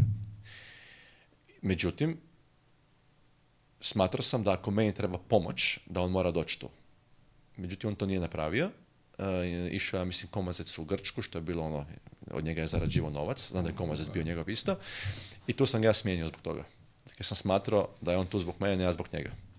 i e, pa, skoro smo imali ovdje e, prošle emisije, ali tako, imali smo dečka koji je bio ono, ekstremno talentovan i imao je problem u podgoričkoj budućnosti sa, sa upravom, nisu htjeli da ga puste i on je zvao menadžera i ovaj kaže, kao ja aj ti to reši, kao, da se ja ne E, to su ti tako, agenti tako da, koji... Tako da, nije jednostavno išao... Dobro, ovo je išao više zbog interesa kod Komozice, jer njega je zarađivo novaca, kao ovaj klinac mali, Znam, ali 16, 17 godina, znaš. Pričamo, pričamo, radiš svoj posao, jesi ti agent. Tako, e, tako. tvoje da štitiš moje prava. Apsolutno, apsolutno. Svačam ja sad i njegovu poziciju, ali ne opravdavam. U tom trenutku sam ja smatrao da on mora biti tu, zato što meni treba pomoć hitno. Imao sam problem s Cibonom, potpisivanje prvog ugovora seniorskoga na šest godina. Znaš, to su stvari koje te, te određuju posle za šest godina sljedećih, tad se moralo potpisivati. Ja sam potpisao na kraju tih šest godina, ali sam imao izlaz, apropo ovoga da kažem zašto sam išao u 25. godini van, tek. I imao sam izlaz u 22. Eh, ali uz oštetu koja je bila, mislim da je bila 700 ili 800 tisuća dolara. Za Ameriku sam imao izlaz 350 tisuća dolara, jer je u tom trenutku Amerika eh, plaćala toliko. Buyout je bio, da. Buyout, ali to oni plaćaju. Sve preko sam morao ja plaćati. Tako je. A ja sam to rekao, ne, ja bi 350, ali za Europu je bilo 750 ili 800 tisuća eura, nisam siguran, točno sad koliko, nebitno. I dobio sam, eh, dobio sam, eh, ili dolara u tom trenutku, sad, koja je valuta bila, ne znam, ali bilo, te su cifre bile. Marke. Da, mislim da su bili dolari čak, jer bilo je za Ameriku, ali nebitno da. Bilo je svejedno puno, jel? I koliko sam ja saznao, Efes eh, Pilsen je kad sam imao 22 godine nudio oštetu Ciboni, ali klauzula je bila da Cibona je ta koja određuje da li će me pustiti ili ne. I ok, tad je još bilo ok sa agentima, bila je njihova odluka i nema problema, ovaj, nisu me pustili. Da bi došla 25. godine, zapravo sam ja zadnji čas otišao, u zadnji tren, 5 do 12 sam otišao u CSKA. E, u 25. godini sam saznao da me žele ostaviti u Ciboni bez moje volje i da moji agenti šuruju sa Cibonom i stalno sam mi, u tom trenutku je bio ono popularno, popularno pravilo Bosman B, Bosman A i tako dalje. Sad ja ne mogu točno ulaziti što šta znam da je bilo odnosilo se na Amerikance, na Europsku uniju, kako to je sve bilo. Eh, I uglavnom ja sam shvatio da oni mene će zavaljati, da ja ostajem u Ciboni. Da sam ostao u Ciboni, vjerojatno od moje karijere ne bi ništa bilo. Ja sam već kasnim, već kasnim tri godine, ja sam za dvije godine morao otići. I u zadnji čas skužim zajedno s ovom obitelji da oni nešto muljare. I ja uzmem Marka Flečera, koji je bio agent tada, eh, između ostaloga, Damiru Mulomeroviću. I sam ja pitao, smo bili na prvenstvu 2001. u Turskoj. To je bilo to ljeto se događa to sve. Ja sam u devetom mjesecu završio CSKA, a mi u, kad se igra, sedmi mjesec, tako, tako i ja skužim da je to neka deal između Cibone i mojih agenta i ja Damira kažem, Damire, koji ti je agent, kao kaže Mark Fletcher, pa jel mogu dostupiti s njim u kontakti. Uglavnom, ja tu to ljeto odkažem u dvojicu, potpišem sa Markom, Mark mi nađe, u zadnji tren mi nađe CSKA, što se pokazalo punim pogodkom, jer ta sezona me zapravo Odsučna daska za Ameriku i za dokazivanje meni samome, jer drugčije kad igraš kao stranac gdje je sve na tebi i kad si mladi domaći igrač. Ipak imaš neke beneficije kad si mlađi igrač. Jel? Tako da sam tu sazio i psihički i samopoznanje naraslo još tako dalje i zato sam ja otišao kasnije s 25 godina tek, jer sam imao taj ugovor 6 godina, nažalost. A evo, na kraju je bilo to skoro sam ostao Ciboni, da nisam skužio prevaru svojih agenata bivših. I evo, dan danas s Markom imam super odnos i čujem se s njim i tako da. Ono, s njim sam ostao cijelu karijeru. Čak su mi nudili neki agenti, kad sam bio pred kraj karijere, da će mi naći bolji ugovor, rekao, gle, hvala lijepo, ja sam vrlo tip. On mi je napravio super ugovore, zadovoljan sam, imam s njim dobar odnos. To što ti meni obećaš i da si mi našao fizički nešto, rekao bi ti vjerojatno ne, jer iz respekta prema od tih par sto hiljada eura kada bi dobio više mi ne znači previše. Ne? Jasno. Tako da sam ostao s njim do kraja karijere. CSKA, ko je trener tada? Tihonenko. ne. Da, legenda. Bila je trenirovka posle zavtra. Kaže, posle sutra. Ne sutra, nego posle sutra. Da, na legenda. To je... Super sezona mi je bila, top. Top. Vidi, ti si prašio tamo, ubio si tu sezonu. Evo, dan danas uh, e, Mirsad Turđan i ja smo najbolji tandem u Euroliga košarci najviše pojena po sezoni. Niko još nije stigao. 42, mislim da je nešto. Cijela nešto, je tako. Niko nas nije stigao. Od kad je e- e- Euroliga. Tako da smo dobri. Vidi, ja, smo dobro. Šuter ubica. Da. Nisi da. prašta. Dječak lica. To, to. Ali pazi, ima si taj mentalitet i kad je loše ti nastaviš da prašiš. Je, je, je. A nema druge, gle. Kak je rekao, ono je, promašiš pošto šutava ako ne šutneš. Uvijek bilo i biće. će. Ovo, ovo me zanima, to je tvoj prvi odlazak od kuće preko, ali tako? E, kako misliš? Iz Hrvatske. U CSKA. Da. Prvi, to je bilo prvi odlazak, da. Ok, bio si 25, sazreo si koliko je. toliko. Imao sam i bivša žena je bila sa mnom, tako da je bilo mi lakše, definitivno. Bravo, ali opet zanima me kako si, opet Rusija nije Europa, malo je drugačiji pristup tamo kod njih. tvoja tranzicija kako je izgledala? E, bila mi tranzicija iskreno lagana, jer kad ti posao ide i kad te neko cijeni, onda ti je da si u zatvoru ti je dobro. Tako da ovaj, ta sezona, to što sam čak rekao i njima, CSKA sam rekao, nakon sezone su nas, otvorali su nas na neke daće tamo, neke na rijeci, neke kućice, imali smo izlet kao team building na kraju sezone, kao da se zahvale. Bili smo, mislim, jedno 3, 4, 5 dana tamo. Ja sam im rekao da sam dolazio sa, jer znamo svi kaj se događalo 90-ih, to je i raspad Rusije i ovaj, to je bilo najcrnije doba za Rusiju, ta željezna za koju su oni imali ovaj, i ja sam do, mislio sam da dolazim u, ne znam, u gulag. Međutim, to sam, ja to sam rekao na kraju, rekao sam, eh, ali ste totalno sam promijenio mišljenje, obožavam, obožavao sam tamo biti i Rusi su po meni predivan narod, topli su jako, ovaj, imao sam jako, jako samo dobra iskustva sa njima. E, igrao sam dobro, držali su me kao vode na dlanu, maksimalno korektni, E, sjećam se tih veselja, nakon utakmica pobjeđenih e, dolazimo na aerodrom na Šeremetjevo i sad onako tamo je stalno ta vječna zima i kažem te 90. su bile jako loše za njih i ljudi su bili još ustrašeni od zapadnih nekih tamo vrijednosti i to i onako svi su bili povučeni i sad mi dolazimo na aerodrom, ono da oni nas čekaju sa šampanjcima, neke ona, ona plastične čaša, to je bilo toliko lijepo i srdačno, sad mi tamo se veselimo, ono ljudi svi onako gledaju u strahu šta je ovo, šta se dešava, svi su onako suzdržani, ne? A baš, ono, baš lijepi osjećaj i, i ekipa s kojom sam igrao bili su mi super, od, e, ne znam, bilo je dogodoština tipa, mi igramo sa tau keramikom, ja mislim, i sad e, imali smo te bonuse, znaš, a tad se plaćalo u kešu, ti bonusi, da, u koverti, drugi dan. I sad e, dolazi gazda ili predsjednik koji je bio u slačionici prije tekme, a to, je, to ti je bio tamo, Oberto, ono, i dobra ekipa je bila. A dama je bila bitna tekma i kaže on, kogod stupi, ako dobijete, kogod stupi na teren, E, sekundu, sekundu, 5000 dolara kao dobiva. I sad naravno mi dobili smo, ne, sad drugi dan mi ono 5000 dolara, ono, to je bilo ljudi koji su stali sekundu, znaš, ne znam, ne znam, neki centar je ušao da zamijeni Mirstada na doslovno na minutu. Petager. Nema, Petica, Uvijek je bilo bonusa, mi smo naravno uvijek dobili više bonusa jer smo stranci pa smo bolje igrali, po zaslugama je bilo, to je određivo trener, ali uvijek bilo u kešu bonus, ovo je rekao, 5000 dolara, ima njih par koji su igrali tamo, bo, ovaj, plate nikad nisu dirali, znaš, od bonusa su da, živjeli. Da, da, pa ja sam isto od bonusa živio, da. Samo posle mene, gle, kad sam ja bio 2001. tada se tek počelo se ulaganje u sport. Nakon Zato toga... pitan ko je bio nakon, trener, Ja sam skroman, pa mi je bilo dovoljno 5000 eura, dolara mi je bilo dovoljno da ne trošim pare. Do sljedeće utakmice. Da, da, da, da. Dok ne legne sljedeći e, bonus. Ali posle posle tebe dolazi Duda, jel tako? I onda kreće ona generalka, uspon, tako, da. Uspon, da. I tu ti recimo... Znači, neću govoriti da bi povijest bila ista, to ne možemo znati ali tu recimo sam ja osjetio e, šta znači kaskad za nekim stalno. Da sam otišao sa, recimo sa 22 godine u CSKA, da sam ja bio bolji igrač 25 ili 22, možda iskustveno nešto, ali ne mogu da sam ja sad napredovao u smislu znanja nekoga.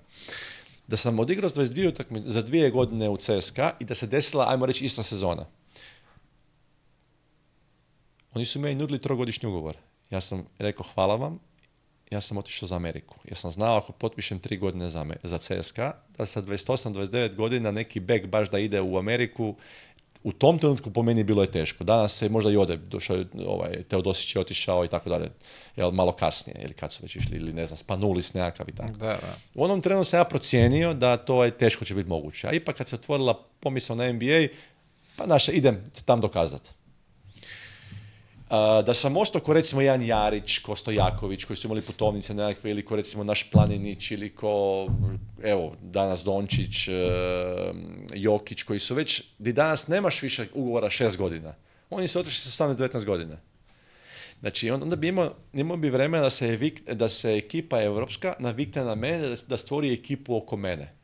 A oni su, znamo kaj se dešavalo, da su oni stvorili ekipu, su bili na Final Forima s ne znam koliko godina za redom i osvojili koliko, godina, ali tako, za redom. Tako da bi možda bi se ja našao u toj generaciji Šiška Uskasa, ne znam ovoga, kako se zove Slovenca ovoga, e, Smodiša i svih tih legendarnih igrača koji su nešto osvajali, ali sam ja uvijek kaskao za ovima koji su otišli i Jarić je već možda išao u Ameriku, i će je u Ameriku, i, i Stojaković je bio u Americi, zato što, i, da ne govorim. Znači, Džinobili je Ređa Kalabri, to je, to je on je moje godište. Tako, Znači, njegov, njegov put, znači on je definitivno bolji igrač, apsolutno, ali šta znači? Njegov put iz Ređa Kalabrije ekvivalentno moj Ciboni, jel tako? On je igrao talijansku ligu sa Kinderom, tim sistemom, ja sam igrao sa Zadrom i sa Splitom. Svaka čast svakoj ekipi, ali realno morat ćemo se složiti da je talijanska liga puno jača, konkurentnija i da bolje igraš. On se pokazao tu, uzeo ga je Kinder, najbolja ekipa u ovo, jel tako? Napravili, došao na reverse, došao na centar, Crni šta je bio, kako se zove više ne znam, ali imao ekipu brutalnu, bio je onda i Danilović je bio. Danilović, Rašan Esterović. Tako je, kužiš. A ja sam bio u Ciboni. I mi realno nismo mogli napraviti, zbog financijskih mogućnosti, zbog kvalitete, nismo mogli napraviti iskorak u osam. E, mogli smo možda. italijanska liga stvarno bila preka. Tako je. A on je napredovao i stalno, i stalno je napredovao. A ja sam stagnirao. Napredovao sam, ali manje. I onda sam ja došao u CSKA zadnji čas, on je već bio u kinderu 4-5 godina, osvojio već. Naravno da je mene uzao Memphis nego San Antonio. Čovjek je bolji igrač. Koliko bi ja napredovao u kinderu, ne znam, to, ne, to je povijesno, sad ne mogu reći. ali da, ajmo reći da postoji neka ajmo, mogućnost da bi možda moja karijera išla u drugom smjeru, možda malo trofejno uspješnije. Ali a ne možemo. I, a moglo i gore. Tako je. Da nisi saznao za menadžera i to što već radi, ti bi zaglavio još jednu tako, godinu u Ciboni i pitanje šta bi bilo. Zato sam ja miran, ja sam zadovoljan. E, ali kad nešto diskutiramo i kad govorimo šta, šta bi bilo kad bi bilo, Možda moglo biti, ali možda moglo biti i gore, apsolutno. apsolutno. Uvijek imaš te dve strane, ne znaš šta, šta, bi se desilo. Kad dolazi do, do, do drafta? Do drafta dolazi 99. Spavam u 3 ujutro, ne jebem 5% drafta, ne znam da je draft. Znači ja se nisam prijavljivao. Ček, ček, izvini, nisi se ti prijavljivao? nisi ni išao na workoute, ništa? Ne, ništa. Ja ti to ništa, ja ti nikad ne, o, pardon, ja ti to nikad ne radim. Znači ja se nikad ne nudim moje ti je mišljenje da... Mislim, to su trebali agenti, brate. Ma nema ma niko, ma niko. Nikome. Mene je San Antonio stavio na draft. Sami. Niti sam ja znao. Ništa nisam znao. Mene budi novinar, pozivam u tri ujutro, ej, izabran si na draftu. Me rekao, ha? Rekao, daj molitan, baš rekao, daj molitan, nazove me ujutro, spavam, gledano tri ujutro. Joj, joj, kao, zaboravio sam vremensku razliku. Rekao, dobro, nazove me kao, pa ćemo razgovarati. Nisam bio svjestan. Nisam ja išao na drap, nisam išao na pre-workout, ništa. Znači, moja ti teorija uvijek bila, uh, znaš gdje sam, vidiš me, igram Europsku ligu, možeš me vidjeti i to je to. Mislim, pošteno da, ali obično bar neko odeš na neki onaj ne workout tamo, ne da, da. Ne nudim se. Imaju dovoljno, znaš, nisam ja, ja sebe nisam smatrao da sam jedan od mnogih koji će tam doći i boriti se za nekoga, ne. Ja sam se borio na terenu sportski, Euroliga, domaća liga, da, tad su već skauti počeli dolaziti. Europska prvenstva, juniorska, seniorska, gle, nije to više bilo 70. kad ti nisi imao internet Tako, to. Da, da. Tako da sam ja, da sam bio u 70. onda bi otišao da se pokažem. Znači, da krivo ljudi ne shvate. Nego se smatrao sam u svu tu tadašnju tehnologiju, su oni meni mogli vidjeti i znali su tko sam šta sam. I sad da jedem tamo s nekim dečkima s koleđa koji su dođu iz kvarta, iz geta nekoga, da se ja tamo s njima koljem. Summer liga ti je pokazatelj prvi, tvoja G liga. Znači, to nema smisla. To je samo zabi, uh, ne daj drugom loptu, uh, trčiš gore dole da se, da se pokažeš. Samo nabijanje statistike. I sad da ja dođem tamo, da se ja borim, da se krvalim s tim, ja volim konkurenciju, ali ne treba mi to, znaš. tako mi ne treba. Razumiješ, ja nisam htio ići na Summer Ligu dok mi nisu potpisali. Ti potpiši, ja idem na Summer Ligu i nema problema. Znači, posle Moskve ti bukvalno... Memphis, da. Či, znači, eh, dve godine pre toga je bio draft, jel da? Ne, e, ne da, 99. je bio draft, e, tri godine valjda, 99. sam draftirana, prve sam otišao u, na dvije tisuće da. Izlazno godišnje je bilo 22 godine, jel za draft? To znam, to je sigurno. Aha, okay. Ne, poslije toga si kao koleđ, da te može neko staviti. Jel tako nešto, uglavnom, koleđ je, nakon 22 godine, moraš ići na draft. Okay. Ako ideš, ne? Okay. O, oni te mogu možda sa 30 godina staviti, ali recimo to je ono izlazno godište kad se zdrafta ide, kad se skoleđa ide na drafta. ovaj, e, a sa 25 sam, znači 3 godine prošlo. Čekaj, Fletcher ti završava to... Si rekao Fletcher, tako? Fletcher, Mark da. Fletcher e, za, sa CSKA mi završava, da. 5 do 12. Znači, posle ne, ali pričam za, za NBA, posle CSKA. Tako je, znači meni su došli e, ovako, mi smo, kad sam igrao za CSKA, igrali smo negdje sa Dinamom iz Moskve ili tako nešto, bili smo u Moskvi, ali nismo igrali doma nego na gostičnom terenu. E, došli su skauti gledati ne znam koga, nekoga, više se ne sjećamo iskreno. Uglavnom vidjeli su mene na toj utakmici i pristupili su mi nakon toga meni i kaže kao koliko imaš ugovor, bla bla bla, da su zainteresirani, da će mi se javiti ja sam rekao dobro, možda su bili komi agent, tako više se ne sjećam. Uglavnom, nakon te sezone je došla ponuda za Ameriku. Manje novačano nego, nego CSKA, međutim ja sam vidio nekako svoj put da se mogu dokazati u Americi, vidio sam roster ekipe, vidio sam kom je konkurencija i vidio sam da ću dobiti šansu sigurno. Kako sam vjerovao u sebe, dobio sam šansu i uspio sam iskoristiti. Je li to tvoj prvi kontakt sa, sa Amerikom tad? E, ne, moj prvi kontakt s Amerikom bio je kad sam imao 16 godina kroz reprezentaciju, A, imali okay. smo koleđ. posjeti koleđu, igrali smo, dva puta smo bili u Americi, po jedno 15 dana, igrali smo svaki put po jedno 7-8 utakmica, čas smo igrali super ekipama, u jednom periodu smo igrali jedno putovanje je bilo sa Big East ekipama. Znači to je bilo od, e, evo igrao sam ti protiv e, Georgetowna gdje je bio Tela Harrington i Alan Iverson u, toj ekipi.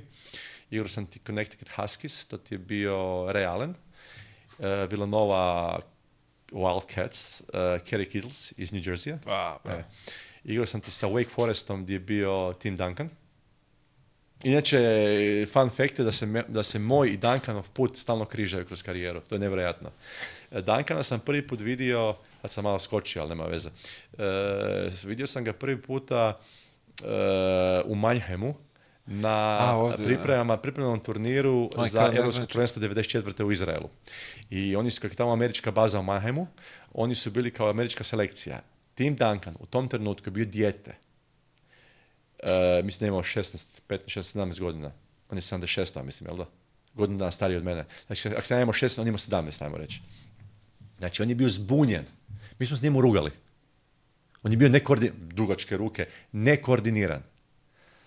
Par godina kasnije, 99. actually, imam operaciju koljena. Kako me San Antonio draftirao, svaka im čast, platili su mi put, rehabilitaciju, operaciju, e, check-up, e, ovaj, pregled nakon šest mjeseci. Znači, kad god sam ih vidio u Americi, rekao sam hvala vam, spasili ste mi karijeru.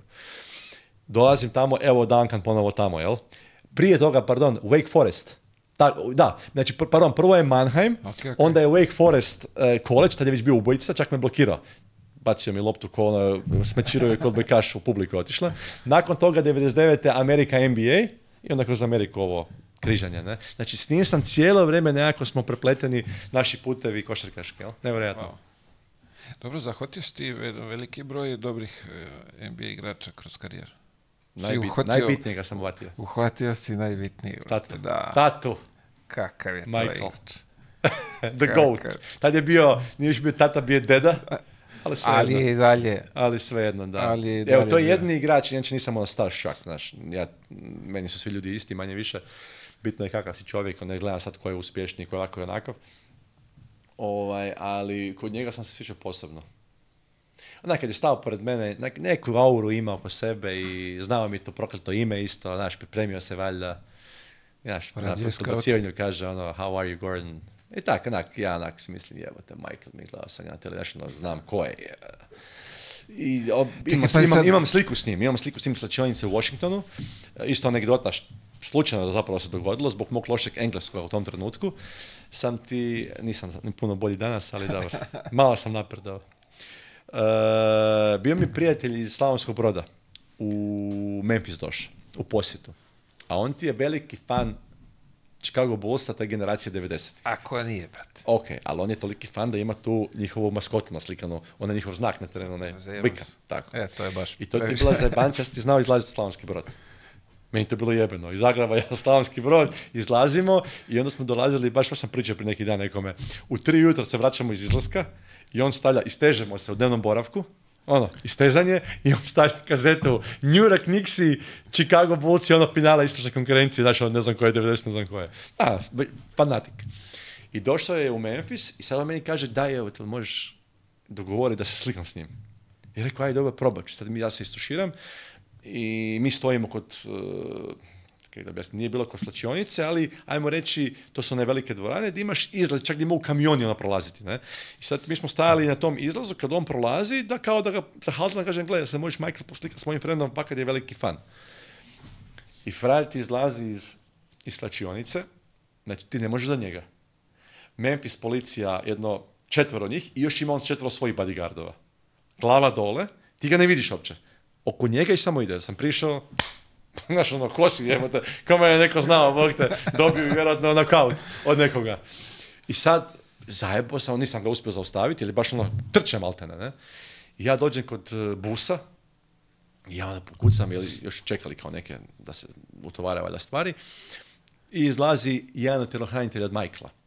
I je rekao ono, oprostite, kao prijatelj mi je tu, ja sam bar mislio da sam to rekao, ali on je krivo skužio, valjda.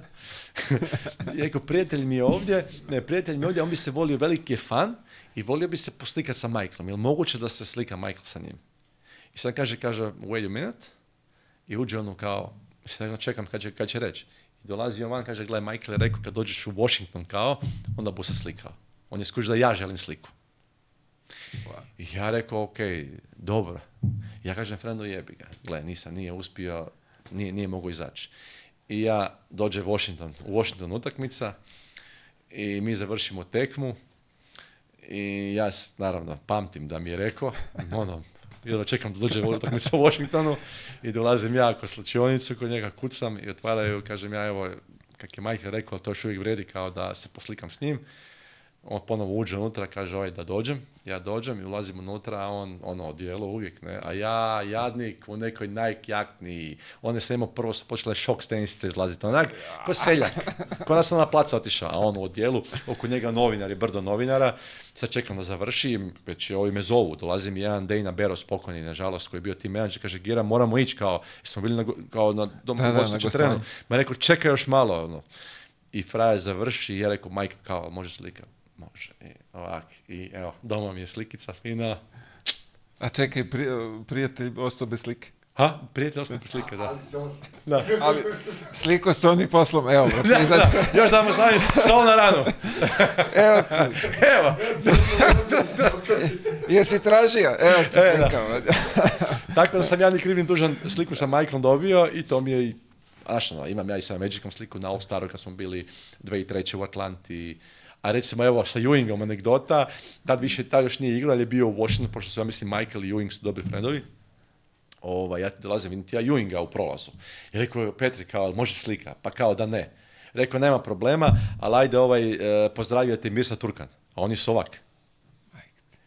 I kaže on, ajde može slika kao, zbog Turkana. Ne? I on se snimio sa slika, tako da.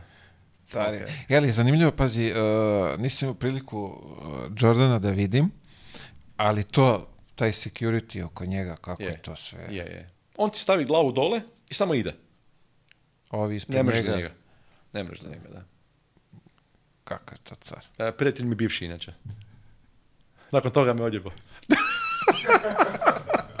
ali, šalim se, naravno, ali... A, ali najjače bilo da si poslao, evo ti samo ovaj stavi ovaj fotomontaž, stavi svoju glavu. Da, evo, pa, slušaj, 20 godina kasnije možeš danas montirati što hoćeš. Tako je, da. ko će znati. Pa ja. Možeš me izbrisati ja, i staviti sebe Sve je moguće.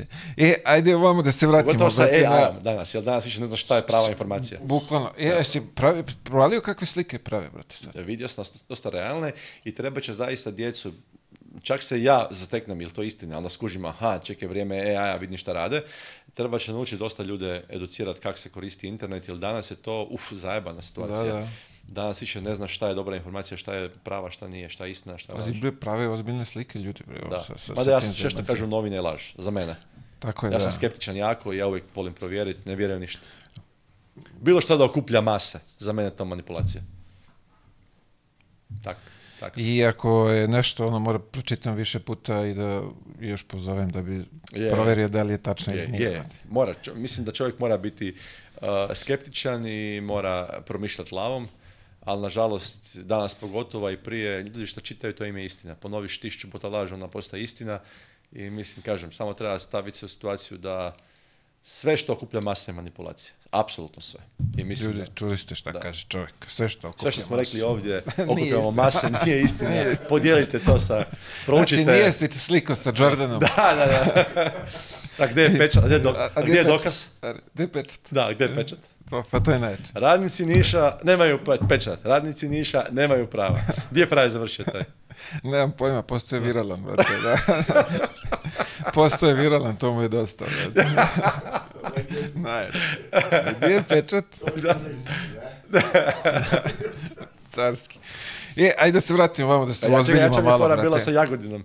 Kad je neki, kad je neki društveni kritičak kritizirao gradonačelnika Jagodine. Kaže, šta je napravio spektakl, došla žirafa u Jagodinu, kaže. Ste gledali to? Kaže, promet stao. Kaže, nacionalni praznik. Kaže, jebena žirafa u žaloškom vrtu Jagodine. Kaže, koga briga. Neki, neki skeč je bio, neko je komentirao. Moguće da, ali volimo mi ovdje spektakl. kad se otvara, kad se otvara i ono autobusko stajalište, oni idu da preseko traku. To je kod nas, da, to je. Da, da, nas, kod nas premijerke i premijeri dijele letke na ovome, vode na napadnim kućicama turistima. Znaš, ono isto smiješno, mislim, premijer, di ko će sad dijeliti Turisti iz Češke dobra kampanja. A? Dobra kampanja. Loš marketing, brate. neko, im to loše radi, brate.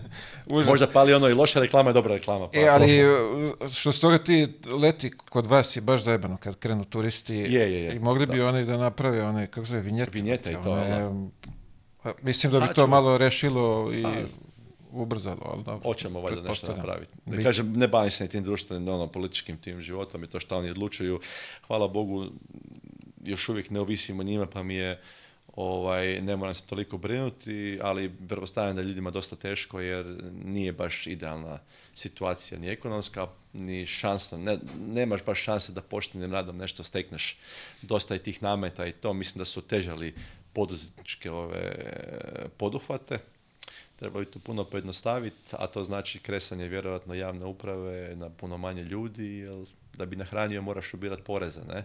I samo terete ljude, terete ljude i to je jedan od razloga zašto možda ja ne radim nešto, jer ne trebam i ne da mi se baviti administracijom, kužiš birokracijom. To mi onak nije poduzetnička atmosfera definitivno nije. Nešto vjerojatno bolje zbog te Europske unije, ali, ali mislim da svejedno dosta je nameta, dosta je dok ti od bilo šta otvoriš, treba ti jako puno vremena proći ovaj, da se iživciraš, sekiraš. I... Mi nemamo nije, ti problema, nismo u Europskoj uniji, ali isto muku mučimo, tako da, bar te ovaj, probleme nemamo. Memphis, vrat.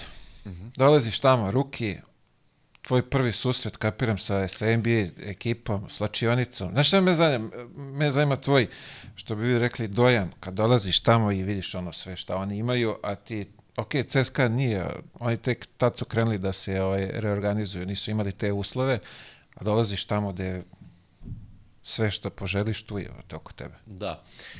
Pa, e, kako sam ti rekao i prije, E, nisam e, čovjek koji se oduševi. Znači jedno što me može oduševiti je priroda. Eto, ljepote prirode. Kad dođem negdje pa nešto me ono fascinira.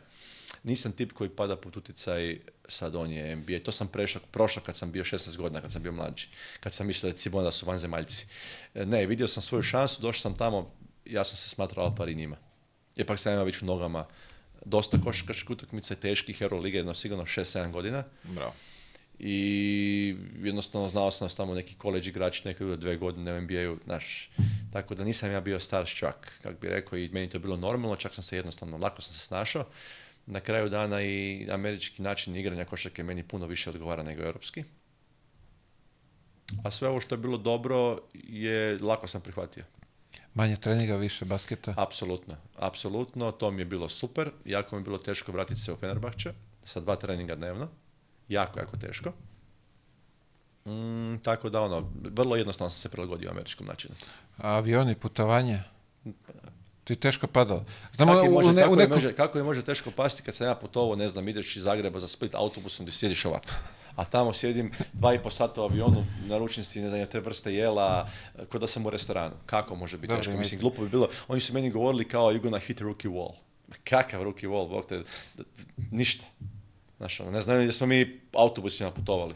Ne znam, ideš, šta ideš, 10 sati. Ideš iz Zagreba do Barcelone, pa nemaš direktno let ga presjedaš, u ekonomskoj klasi ovak sjediš. mislim, ubijete putovanje, ne? A ne ovo avion, biznis klasa i sad ti letiš. Dobro, ja se iskreno moram priznam, u jednom momentu nisam znao u kom sam hotelu. To je klasika. Apsolutno. Dobiš onu karticu, ne znaš brate koji sprat, ne znaš koji u kojoj sobi i on ja sam, ti, ja sam ti nakon par dana slikao sam ti broj sobe. Znači ja se probudim, imaš onda, zna, znaš bilo, ti, back to back, da, nije znači, bilo znači, u dva tjedna igraš... s kamerom, brate. Ma kako nije bilo? Ma bilo je. 2002. telefon sa kamerom. Pa to 2008. Ne znam, kada su došle kamere? Pa iPhone je došao 2004. šta nije? Ha? Bilo? Pa iPhone je došao 2004. Ja sam, ja sam u srednjoj školi bio 2004.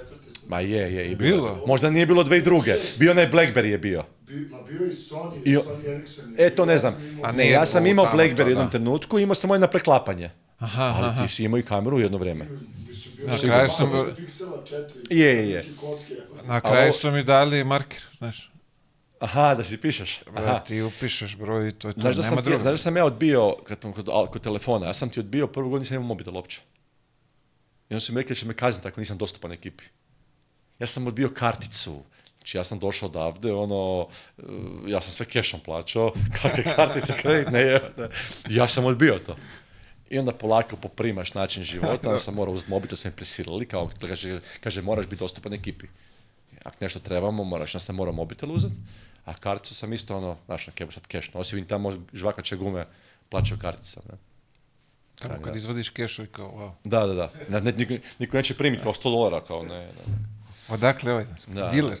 Tako da, apropo ovih soba, kad sam se budio, znaš, ideš na putovanje po 12-14 dana na gostovanje i sad imaš, eh, ne znam, 6-7 utakmica, neke su back to back, neke su razmak od jednog dana i ti nakon 3 dana Imaš ono tekma, back to back tekma, onda odideš pa prespavaš u hotelu dan, pa onda igraš drugu utakmicu u trećem gradu i sad nakon u četvrtom gradu ja odem na doručak i ja te koji sam sobi. A sve sobe, svi hoteli su bili, prvi kat je 1024, ako si na petnom katu 5047, Eko više, se mi se pomiješalo, ne?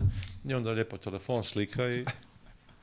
To sam naučio na parkingu. Dolazim ja u Disneyland, kad sam bio u Orlandu ja parkiram auto i nisam, znaš, ono, vidiš ono životinja nekakva, neki broj, nisam uopće pamtio. A parking ko, ne znam. Pola Beograda, ko kvart u Beogradu. I sad ja se vraćam sa ovoga, di sam parkirao auto? Ja sam na pola sada tražio, imao sam onaj panic button, znaš. I onda ja idem po katovima i stišćem. I kad sam čuo ono, iznad mene zvoni, znaš ono, aha, gore smo, okej, okay, gore. I onda sam isto počeo slikati. I sad slikam i parkinge, tu u našim garažama. E2. Oslikam da znam di sam. A dobro, vidi se. Imam, imam manu jednu, e, sporo pamtim, a još brže zaboravljam. Zato sve slikam, sve pišem. Ne, ali pogotovo tamo, sve je veliko, sve je, ogromno. Je. Znaš, ovdje kod nas onako malo je, pa nekako i zapamti. Je, zapamtiš. Izađeš, ne znaš gdje se nalaziš. Da. Baš je ona užasna. E, vidio, u posljednje vrijeme pojavilo se na, gospodin Bela Čokolade, ovaj, nešto, da. Znao sam da, da mi neće Mimo ići to pitanje. Pa ne mogu da, ne, ne može da, da te Mimo iđe, a ti si to već demantovao. Jesam, da, jesam. Već je krajnje vrijeme bilo da takve priče stanu, ja sam zaista sam podalje od javnosti, svako malo, nešto, Ovaj. Već kad mi pošalju frendovi, e, jesi vidio ovaj link? Opet Već nešto... neka rekao, ne, bojim se da, da, otvorim ili ne, ono. A rekao, moram, doće me, će me, tako je ovako. Je, je, na podcastu slušao, poslao sam mi linkove. E, uspio sam to demantirati, e, zvao sam agenta svoga Marka da vidim da li mogu utužiti to.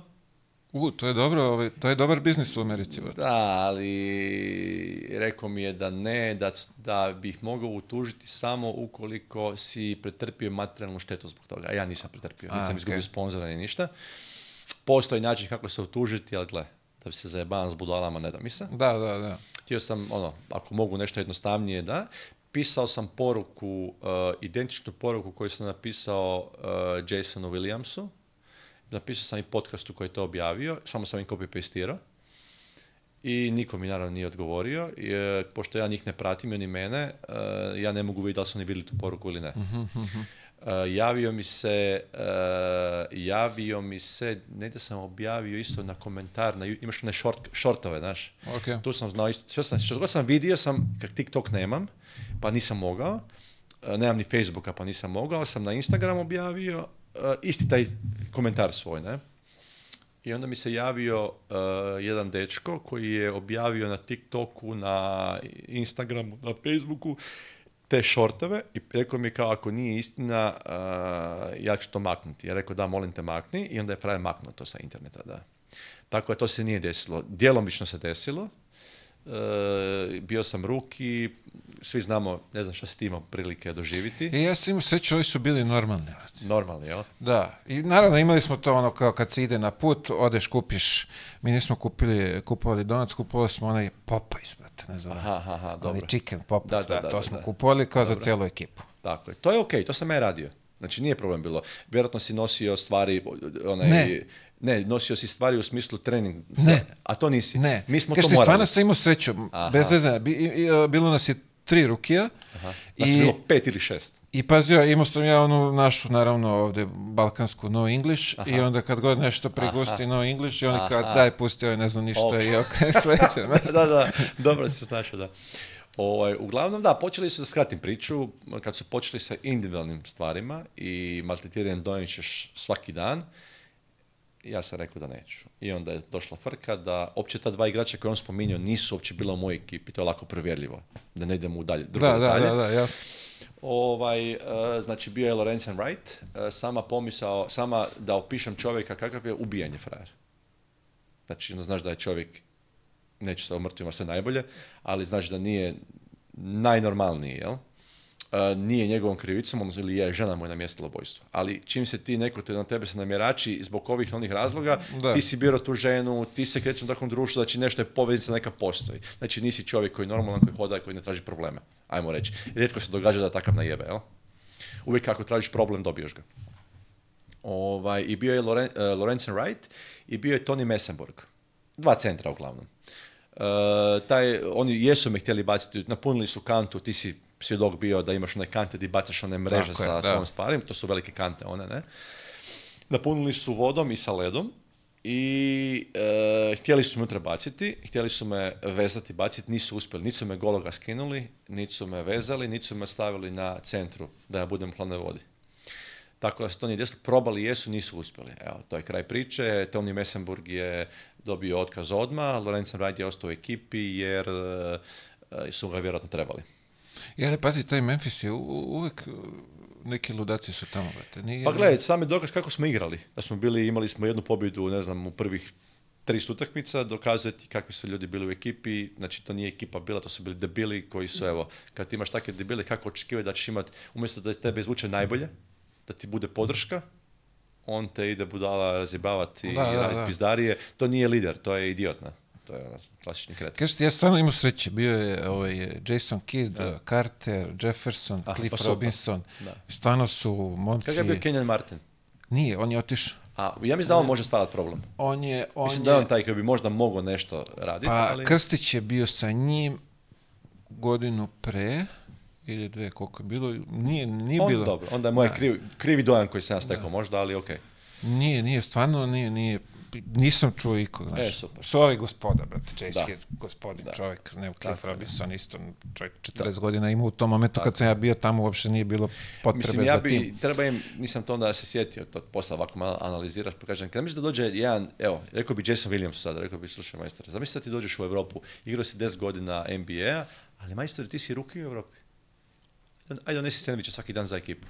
Da, da, da. da Šta bi ti, da. bi ti rekao da, da bi donio? E, ono, samo se stavi malo iz perspektive druge, pa da vidiš kako, kako zvuči, jel?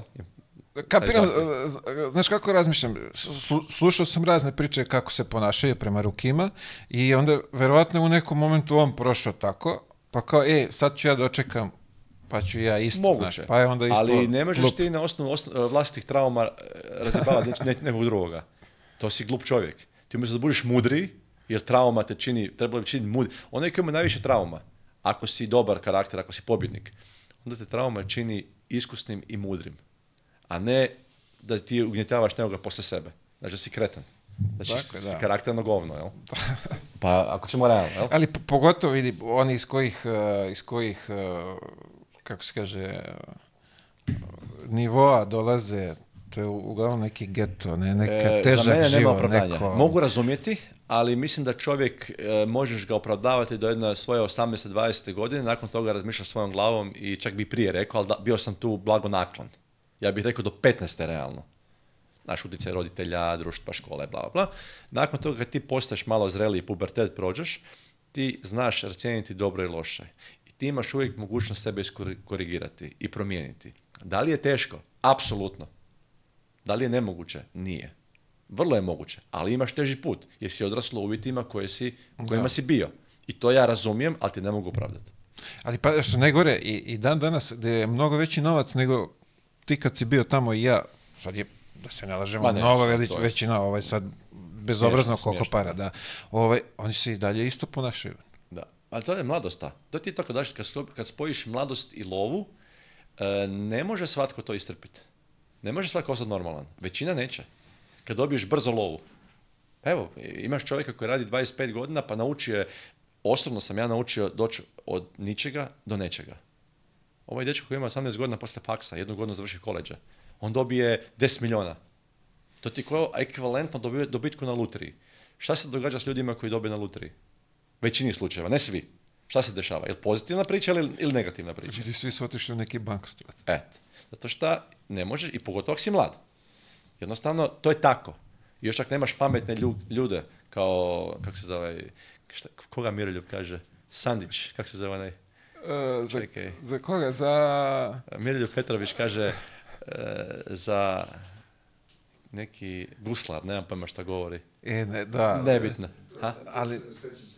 Kaže, ako mi taj čovjek kaže, ako mi taj čovjek kaže da je to to, ja vjerujem. Znači, ako nemaš pametne ljude oko sebe, i onda ćeš sigurno otići kragu, Ako imaš pametne ljude koji će te usmjeriti kad dobiš tu lovu, onda ćeš možda nešto i sačuvati. Ali danas je tako da su dečki sa 18-20 godina dobe 10 milijuna eura i dolara. Gle, vjerojatnost da ostanu normalni je jako, jako mala. Da, ali opet, ja sam imao ruki transition. Jesi imao ti ruki transition tamo? Jesam. Oni, znaš, ne ovo, Šta da ti ja ono, kažem, Mile, kad oni kažu nama, učimo nama predavanje o prostituciji i kažu ne smijete, kada nam dođu ženske, ne smijete plaćati seks. I onda naprave, za, e, e, kajlo im stave, na šank pošalju dve ženske i normalno da debili e, popuše priču, ne? I hoće, ajmo s da ti platim za seks. I onda kažu, pa majstore, sad smo vas učili da to ne možete raditi. Znači, smjeste im namjerno patku, slušali su dan prije o predavanju o tome i frajer ponovo napravi isto. Kretan, jel? Kreten. Suludo, ne? Ja, je... Meni, meni, je to neće bilo jako zanimljivo. Taj Rookie Transition Camp je bio genijalan, a da ne govorim onda mandatory meetings što smo imali kroz sezonu kad si bio ti, bilo je toga, ali tako, tri puta godišnje, kad dolaze oni mapijaši bivši koji su bili u zatvoru, koji su se bavili kockom, e,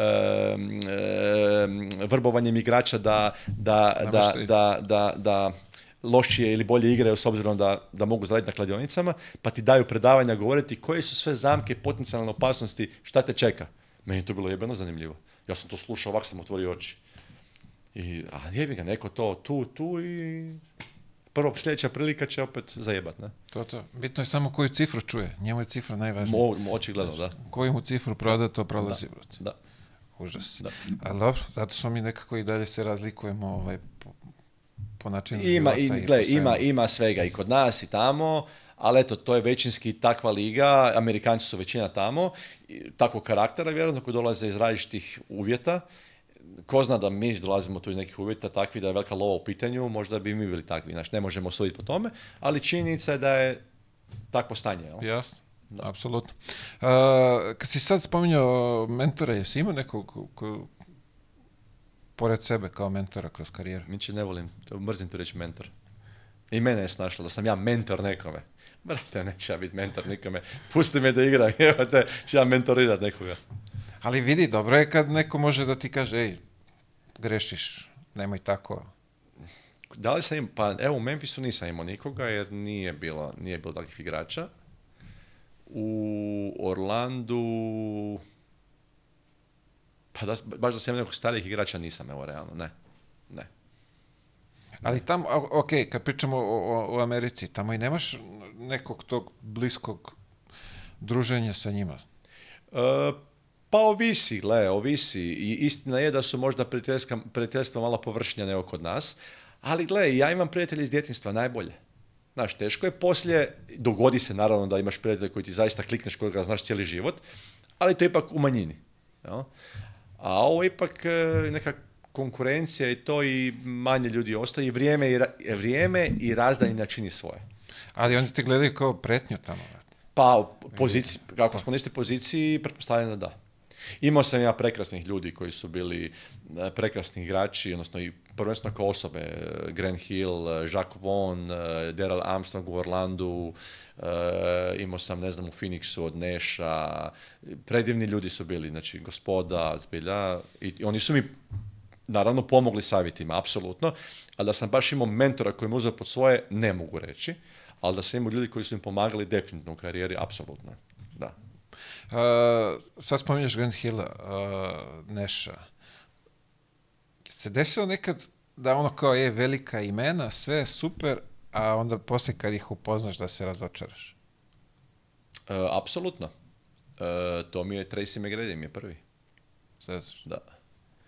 Gdje se s njim naletao? Orlando. Orlando? Da. On mi se pokazao kao netko ko je nije po, mo, po mom ukusu dobar čovjek dobar karakter. Okay. Da. Po mom ukusu, moje mišljenje, znači nekome, znaš ono, nekome si ti dobar, a viš meni recimo tako. Pošteno. Naj, najbitnija je iskrenost kod čovjeka. pa makar ti i, i, ovaj, da, po mom, po mom sudu, eh, recimo Carlos Buzer također. On je na van jako dobar. Nije on, kak bi rekao, loš, ali im je shady karakter. Okay. U mojim nekim principima karakter, ocjenjujem karakter. Znaš, to, sitnice, da ne bude samo na teoriji, sitnice koje meni čine razliku, gdje ja procijenim nekoga, je tipa, ne znam, ja sam imao, bio sam u sukobu sa Slonom i u jednom trenutku me je izbacio iz momčadi i me sa gostovanja na, za, na, za City, ne? I ovaj, kad sam se vratio, e, u novinama je pisalo kao da e, pošto je Carlos Buzer bio jedan od kapetana ekipe zajedno sa Deronom Williamsom mhm. i ne znam koji bi možda bio Andre Kirlenko, ali je bio i Buzer i uglavnom kako novinari, njima je to bitno to zajedništvo i što je naravno bitno u timskom sportu i onda su oni zvali, evo tako su za Buzera vjerojatno pitali, da kao i da li se čuo sa mnom kao podrška, kaže da, da, da, da se čuo sa mnom i onda laze oni iz tog putovanja, kaže hvala ti Carlos kaj si me nazvao, kaj smo se čuli kao ostaje paf, kao ono kao zna da nije nazvao, jer u novina je pisalo on se htio predstaviti javnosti kao da on je kao kapetan, jedan od, pa sad on brine kao o stanju u momčadi i to, što uče mi niko nije nazvao. Tako da ja po tome, recimo, mogu osuditi nečiji karakter, pa reci, vrat, nisam se čuo, nisam se čuo, šta sam treba, se lažemo. Pa Nego jednostavno želiš ostaviti neki bolji dojam u javnosti, da si ti sad kapetanski postupio, a zapravo nisi. Bez veze, jel? A dobro, to je, kod njih je bitan taj ugled da se predstaviš e, što bolje. Tako, tako, tako. Tako da je to. Ovaj, Ima još par igrača, sada ne imenujem, ali za koje sam smatrao da su opet kažem, to je moj sud, nekome su naravno, koji doktor, nekome je napravio super stvar, nekome je napravio loše, pa ovaj kaže ovaj je katastrofa, ovaj kaže ovaj je fantastičan. To je moje mišljenje, ja ću, dok me ne razuvjera drugačije, iako toga stojim, jel? A, sa Jerry si E, sa Jerry Slonom sam zakuhao, inače imam ono, veliki respekt prema njemu, zato što, zašto? Zato što je autentičan. Znači, ja se ne moram sa svima slagati.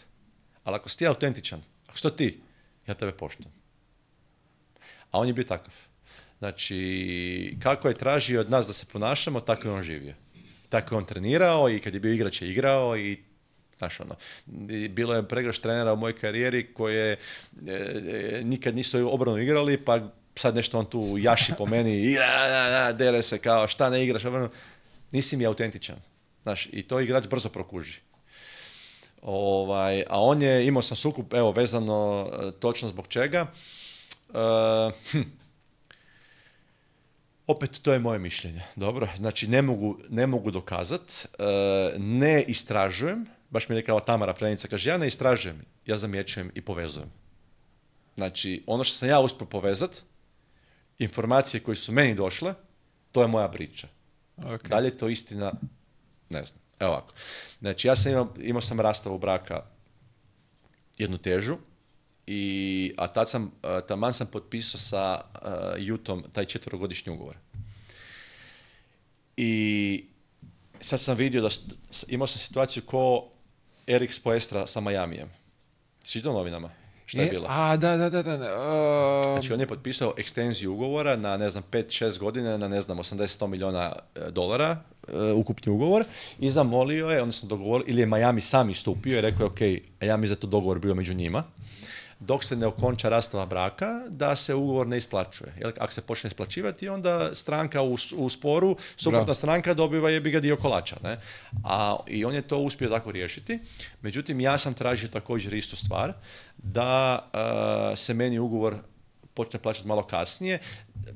U mom, iskreno, u mom slučaju to ne bi ni imalo veze, jer sam se ja rastao ne službeno, nego Rastava braka je u trenutku kad e, ne dijeliš više krevet i postelju i stol za blagovanje. I to, ja sam bio u tom periodu rastavljen već pred zakonom, vam reći. Ali sam ja htio umanjiti što manje mogućnosti suđenja.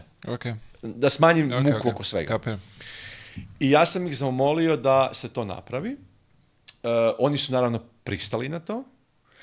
Istovremeno sam čuo od gospođe koja je radila u uredima gore u, u ofisu, da je stiglo neko pismo na ime kluba na Jerry Slona.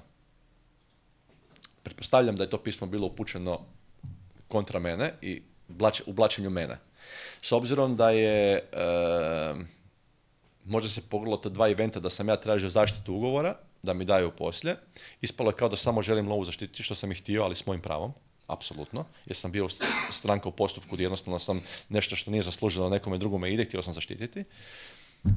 I njihova kao familijarna orijentiranost, kao Salt Lake City, Mormoni, ok, ja to i poštujem to. Međutim, mislim da je to bio te, te dve stvari, mislim čak da je više pismo nego, nego ovo moj zahtjev. E, ali taj moj zahtjev je, je zvučao vjerojatno puno grublje s tim pismom nego bez tog pisma. Okay zašto? Zato što sam ja kad sam došao, znači oni su mene volili prvu godinu kad sam došao i na osnovu moje dobre igre su me potpisali na četvrogodišnji ugovor i bili su jako zadovoljni sa mnom. Čim sam došao poslije ljeta kod njih, e, kako kažu u Americi popularno, bio sam in the dog house. Znači, e, tipa, evo ovaj teren, sad mi trčimo zagrijavanje, ono kao visoki skip, niski skip. Ja sam doslovno došao do pola metra od linije i okrenem se nazad. Zaostavlja trening i vrijeđa me bio je užasno živčan na mene. Wow. Nemoguće da je prošlo tri mjeseca bez da sam ja s njim komunicirao, sam imao konflikt s njim, da neko se tako prema meni ponaša, pogotovo što dolazimo iz sezone kad su me popisali, kad su bili jako zadovoljni sa mnom, gdje je on zapravo stajao uz mene i iza mene. Pokrepljeno primjerom, kad sam igrao e, tu godinu prije, Carlos Arroyo koji je bio moj playmaker u trenutku, u jednom trenu mi nije dao neke lopte ne namjeru, nego jednostavno ima svoju viziju. Jerry Sloan je u novinama rekao, Carlos Arroyo loptu ne daj Giričaku. Taj dečko posle dao samo meni loptu. Hoću reći kad trener stane, znači nakon takvog jednog mutual respekta koji smo imali, i ja, ali ga ja i dalje cijenim, znači meni je zaista, i ja sam dao saučešće Juti kad je on umro i tako, e, da se preokrene situacija sa 180 stupnjeva. Znajući informaciju iz ureda, iz opisa, znajući da sam ja tražio to, moja neki educated guess je da je to išlo u tom smjeru. I mhm. nisam se mogao toga riješiti. Ja sam tražio odmah prve godine trade. Do, tek su me predali zadnju godinu. E, znači, tri godine mi nisu. Onaj Kevin O'Connor koji je bio nama generalni manager na trenutku, rekao je, gle, mi znamo koliko ti nama vrijediš, mi te nećemo naći za bilo šta. Nismo mogli naći adekvatnu zamjenu za, mene šutera. Okay, Gle, on je mene ono, on je mene stavljao, stalno me kritizirao, ali me je stavljao kad je trebalo. Čuvat nekog dobroga, a znao mi je govoriti, njemu si razlozi, javni razlozi meni, jer sam ja s njim imao sastanka sa Jerry Sloanom, rekao sam, te, rekao sam treneru kao mogu s vama razgovarati, kao ne znam zašto, zašto se tako ponašate prema meni, zašto ja ne igram toliko, ili kad igram, ne igram ono, stalno mi prigovarate, da li mogu ja nešto sa svoje strane promijeniti i to sam imao jedno dva, tri razgovora. Međutim, on je meni ponavljao uvijek sad dva ili tri razloga, mislim da bi da tri, sjediti. Prvi je bio da kratim akcije, drugi je bio da nisam u formi i treća je bila da ne igram obranu. To su bile tri znači stvari koje je meni rekao. I ja kažem ovako, Jerry, apsolutno te svačam. E, ono što ti mogu reći da si u pravu, da kratim akcije. I ja jesam kratio akcije, e, zato što e, ja sam naučio igrati ne šemasku košarku. Juta je bila pod šemaskom košarkom. I on je tražio ako ti sad ljubitelji košarke koji košarkaš bio će znati, ti ćeš to prepoznati, tipa ako imaš pin down od blokova i sad recimo imaš jednog Matt Harpringa koji je slijepo slušao šta mu kaže trener. I on je sa jednom kilavom nogom, s povređenim koljenom, bio je u Sakramentu jedan čovjek jako atletičan, crnac jedan, sad više kako se zove, ne znam, mora bi se sjetiti, pa nemam vremena se sjećati. E, nije mogu šutnu tricu, ali frajer bio na zakucavao je svaku. I ovaj kaže njemu stisni ga. I sad Matt Harping, bijelac, sa kilovim koljenom, on njega stisne na tricima. ja bi mu se dalje dva metra. Šutni! Logično. jel tako? Logično. E, i kaže, izađeš iz bloka, ti šutni. Matt Harping izađe iz bloke i šutne makar preko ruke. Ne bu šutno ovako, šutni će ovako. Ali će on šutni. I to je... Što sam ja radio? Ali tu sam ja kriv. Jer ekipa to ne prepoznaje ja sam napravio košarkaški potez. Ali, pošto ekipa igra šematski, ja sam iskako. I to je moja greška. Znači, ja izlazim iz pin downa, sad meni moj igrač, mene su učili da kažnjavam. I sad on ide iza mene i ja zavrnem. A ako ja vidim da on meni ide preko bloka, ja radim step back. I meni je ovo sve otvoreno ovdje. Sam na šutu. Međutim, playmaker kasni, a košarka igra sekunde i ako zakašiš sekundu, ti, ovo je već na tebi. I onda ja sam se akciju. I ok, ja sam rekao, gle, e, razumijem te i probat ću promijeniti, ali da ne igram obranu i da nisam u formi, to ti ne mogu priznati, jer ja igram uvijek obranu, po tome sam bio poznat da igram obranu i uvijek sam trenirao, maksimalno. I par utakmica nakon toga bude se dobro. Na kraju ponovo opet sam na klupi, opet me provocira i to na treninzima. Šta god da napravim nije dobro, baci lijevo, ne, baci, možeš baci desno. I taj ključni trenutak kad me poslali van iz ekipe, bila je situacija, bili smo na gostovanju, koja je tekma bila možda New Orleans ili ili Charlotte, Hornets možda. možda. I uglavnom, ja ulazim u igru i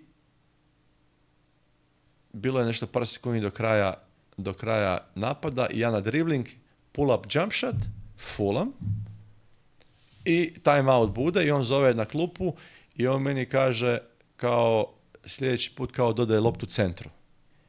Ja kažem, ok. A, ok. I on kaže, now you can sit at the end of the bench and you can bitch about it. Ali bio je bezobrazan. Ja kažem, Jerry, kao, why are you talking to, to me like that? I on kaže samo, ajde slučajnicu, samo čekaj, znaš, znaš samo da, čekaš. Da, da, da, da. I ja sam rekao onome Jerome Collinsu, sam rekao, gle, daj budi mi svjedok, da ako me budu kažnjavali, da možeš biti da nisam ništa napravio. Da sam bio kulturan, nisam mu ništa od, odbrusio, samo sam sjeo. I on je valjda bi, da, da, rekao sam mu, why are you talking to me like that? I sjedam na klupu i valjda kad sam ja bio cool, bio sam miran, još više čovjek izživcira. Kao nisam reagirao na njegovu provokaciju me i rekao je Jerome Collins, kaže, da, bit će ti se dok nije problem, nisu me kaznili. Ja, Jerome Collins, to je brat od da, e, Twina. Tako, Twina. tako, tako. Isto Taj je bio kod mene u... E, bio je u New Jersey, da, da, da, tako, da, da, tako, da. tako je. I uglavnom nisu me kaznili, nije trebalo svjedočiti, jer nisam fakat bio kriv. Samo su me maknuli iz ekipe i tad je bio trade. Tako da, ali apropo toga, znači e, imao sam sukob s tim zbog toga, ali mislim da je generalno krivica bila da, cijela situacija, mislim, moja situacija u tom trenutku, njihovo krivo svačanje, možda to neko pismo, da ne ulazi koga je slao. Uopšte u... Mislim da košarkaški nije košarkaški nije, razlog. Nije razlog da. Ne, ne, ne. I nisam se mogao toga isprati. Jednostavno, šta god da sam napravio, bilo je krivo. Znaš, kad imaš nekoga na zubu je teško, teško može promijeniti. Vidi, kad krene da, da te Imaš i u svojoj ekipi igrača, možda si ti bio u jednom trenutku taj, možda nisi, ali ako nisi bio ti, opa, bio je sigurno netko u tvojoj ekipi koji je bio u nemilosti trenera. Kriv ili dužan? U, uvijek je bilo tako. Tako. Ja sam te godine bio ja. I to je nastavilo se dok sam bio tamo. Uf. Da, ne, teško, bilo je teško, ali dobro. Mislim, eto, sad sam mudri. a, Država Mormonska, kako izgleda to? Ti si prvo duže, ja sam došao na utakmicu, malo nisam imao prilike, život tamo, kako, kako Super, meni ti divno bilo, gdje god sam bio. Ja sam se uvijek našao načina kako uživati. E, uh, Juta mi je bila predivna, uh, e, kada me pitaju di mi je bilo najbolje, svi mi je bilo lijepo, zaista. E, evo, Juta mi je bila divna po tome što mali grad, čist grad, lako se snaći, meni ne treba puno, meni treba shopping centro kino, kino da odem, ne u kinu, nego kino, bioskop da odem sam. Kino. E, kino, da odem sam. Ovaj restoran koji, imao sam ti jedan hrvatski restoran, e, to, bračni par, sad se vidio prije poljeti sa, žena je Srpkinja, on je Hrvat iz Bosanske Posavine. I otišli su za vrijeme 90-ih tamo gore i otvorili su restoran Atlantik, više ga nemaju. Sad imaju isto imaju catering, ali nisu više u tom biznesu u smislu da imaju restoran i tamo sam ti ja, ako nekog gledao kafić uzdravlja, onaj kafić, ne, onak poštara, i uvijek ima ista mjesta svoja. I tamo sam te imao svoje mjesta, ja sam ti znao tamo od treninga, jutarnji trening je bio, znaš i sam, od ne znam, od pola 11 do ili od pol deset do pol dvanest ili do jedan, nemam pojma kako je već dana bilo. Ja sam ti nakon toga došao na ručak, tamo sam bio do jedno šest popodne, otišao kući, imao sam neku svoju rutinu. Uh, ono što mi je pasalo u juti bilo mi je četiri godišnja doba, na što sam ja navikao, mi koji smo odavde ovaj, imao sam gore Park City koji je bio predivan, uh, Sundance Festival, famozni, ne, u drugom mjesecu, onak, bilo mi je, pred, priroda mi je bila predivna, e, ljudi su bili super, e, to mormonstvo nikome nikad nije ni pitao, da nisam ja povodio ptit, ja, nisam, inače nisam religiozan, ja kažem uvijek koristim od svega najbolje. Tako se nikome nije valjda vidio da ni ne želim ovaj, nigdje se priključivati, nikome nikad nije gnjavio, nikad ništa, to što možda kafići rade do 12, meni to super. Tako da meni je bilo jako lijepo. Imao sam djevojku tada ozbiljnu koja mi, ono, isto, baš mi je bilo lijepo. Bio je community veliki, Hrvati, Srbi, Bosanci. Ima i gore? Ima, ima, da. Je, je to ti isto dok, kako se naš čovjek uvijek snađa, Znači, imaš, ja, smiješni se, ali dobro. Znači, kad dođeš u Jutu, imaš, te, mormoni su ti jako e, ljudi koji su familijalno isto orijentirani. Znači imaš onu sekciju mormona koji imaju više žena, to je prošlost, ima još nekih, ali su većinom su e, ono, obiteljski ljudi, vjerni, tako bi trebale biti. Ima svega i tamo, ali to je slika koju, kakvi mormoni zapravo jesu. I sad, vole pomagati. Sad imaš te community mormonski, imaš njihovu crkvu i sad kad netko dođe kao stranac, recimo bosanac, hrvat, ovaj, srbin, mi smo jebe uvijek plivamo nešto između i mi se znamo snačno. A zna se da kad, ako pređeš na mormonsku vjeru, ti dođeš u njihov community u crkvu i sad pošto si ti tek došao, svi ti žele pomoć. I sad netko ti iznajmi stan za, ne znam, šest mjeseci. Neko ti ga namjesti, znaj mi namještaj. Neko ti da posao. Jer oni recimo na kraju godine 10% svojih prihoda daju nazad crkvi. Onda to ide pomoć. Sad naš bosanac jebi Srbin, on mega boli brige, jebe se njemu za mormonsku vjeru, nego on hoće, znaš ono, da se lakše snađe, onda on u crkvu, ja sam mormon, ja ću mormon, i ovi njemu onda pomognu, a njega boli brige, posto za mormona ili ne kuješ kak su, kak su mi brate. Da, da, Tako da ono, Gle, to je snalažljivost, zato naš čovjek i uspije vani, jer mi uvijek plivamo, mi volimo improvizirati. E, vani je dosta onako linija do linija, zna se, i, a mi tu ne plivamo između zakona uvijek da je na, na granici legalnoga i uvijek se čovjek snađe. Tako da, takvi smo, smo mentalitet vjerovatno, tak smo naučili tu da, da, da. plivati i ne možeš to izbaciti sebe. Vidi, ti, ovdje si naučio i onda kad odeš tamo tebi ti, uf, ovdje je još bolje, tako, lakše. Tako, da, lakše, lakše, da, lakše. Tamo je na povjerenje sve. Da, da. Svi mi vjeruju. Da. Znaš onaj od mojih kad su katili poker, pa kao ona neviđena, pa kaže ovaj, kaže kad sam ja skužio kako se igra, kad je mene krenulo, znaš, ovi su bili pošteni, kaže, on je počeo lagati šta ima u rukama, znaš, ono, kaže, kad je mene krenulo. oh, majko, Carski. Imao si, posle toga, pazi ja ono, nema veze, veze, nema veze. veze. Lepo ti stoji, da. Jela. Manekenski. Da. Uh, imao si posle Orlando i Filadelfija, jel tako? To je vamo na, na istočnoj uh, strani. Memphis, Orlando, Orlando, Utah, Utah, Filadelfija, Filadelfija, Phoenix. S tim da ja Filadelfiju zapravo i slabo spominjem, jer to je bilo, bio sam tamo sam se našao iz krivih razloga. Uh, imao sam sreću da sam, sreću, da sam eh, živio u zgradi gdje je bio od Mike Bibija tata, nam je bio pomoćni trener, kako se zvao ne znam, ali bi prezime Bibi, jel? I kad, sam došao, nisam dobio šansu nikakvu. I ja pitam njega, jedno već ja sjedim tamo u lobiju zgrade i on prolazi, kažem treneru kao isto, koji ste slonom? Rekao, trudim se i to, ali dobijam šansu. Zašto je to tako? Kaže on, ne brini ništa. Rekao mi je zašto. Kaže, ne brini, tako je, zapravo mi sljedeće mi dogodine mijenjamo cijelu ekipu, tad su potpisivali Eltona Brenda na 96 ah, milijuna onaj ugovor što dobio. Oni su zapravo uzimali sve igrače koji imaju izlazni ugovor. Karl Korvera koji ima još, ne znam, četiri godine posle mene, ugovor je imao veliki, na, ne znam, preko 10 milijuna dolara po godini, njega su dali za mene, jer meni je bilo izlazno izlazna godina. Znači, oni si oslobađaju salary da, da, da, mogu napraviti reorganizaciju ekipe. I kaže, gle, nećeš dobiti šansu jer si ti tu zapravo samo zato što ti stiče ugovor i vas još nekoliko i mi stvaramo e, novu ekipu i to je tako. I ok, ja sam onda zvao agenta Marka odmah, gle, dobio sam informaciju s prve ruke da tu nema kruha za mene, volio bi ostati, da se pokaže, mislim da mogu još uvijek dobro igrati, da i pita da me tradaju. I onda su me tradali u Phoenix, Uh, je bio generalni menadžer uh, New Jersey, uh, Philadelphia u to vrijeme, ne znam, ali evo, mogu, zahvalio sam se njemu što je ipak me pustio. Znači, nije me trebao pustiti, evo, realno. Da, da, da, Ali me je pustio i hvala. U, može da bude tu, tu može da bude, bre, ovaj, što je bio meni... Ako mi kažeš ime, tako je. Taj, taj, Bio je iz New Jersey, bre, on je mm. došao posle Ćelavi. Tako je. Belac. tako je. Tako ja, tako je. Fred, ne, a, et, et, et. Ne znam. Dobro, tak se nisam mogu sjetiti nego druga, ne treba sad. Da, ono Ed, sam ne mogu sjetiti prezimena. e, baš taj. Ed Stefanski. Mo, Stefanski. tako, Stefanski. Tako, tako, E, i, ok, zahvaljujem se ja što me pustio, nije trebao realno, ne.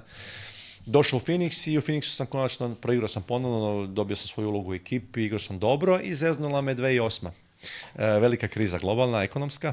E, nije mi se isplatilo mene ostavljati. Ja bi ostao za iste novce koje sam dobio i godinu prije, odnosno četvrogodišnju koje sam imao. Mhm. Ne bi ni tražio više, meni to bilo bi me zadovoljilo.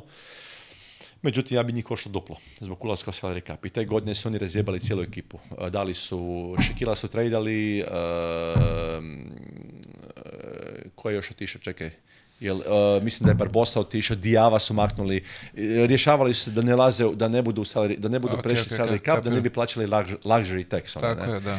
I tu jednostavno nije bila računica za mene, ja to svačam, ali su me volili i imali su me rado i volio sam ja njih i, i, ovaj koji dan danas, kak se zove frajer, vlasnik sa se preziva, jel je, tak nešto? Uh, ne znam ko je, ali e, prošle godine bio onaj incident sa Jokićem vamo tamo. E, to ne znam sad. Da. da Nešto je dobacio sa, pa mislim ništa bio, ali znaš kako oni to... Da, što je neka glupost, ali to znaš kako oni u Americi to napravili, da, toga priču, da, ali nije ništa, nije ništa, da, ali... ne ne znam, ali on je me imao rado, publika me volila, bio mi generalni menadžer, bio mi Steve Kerr, isto predivan, predivna osoba.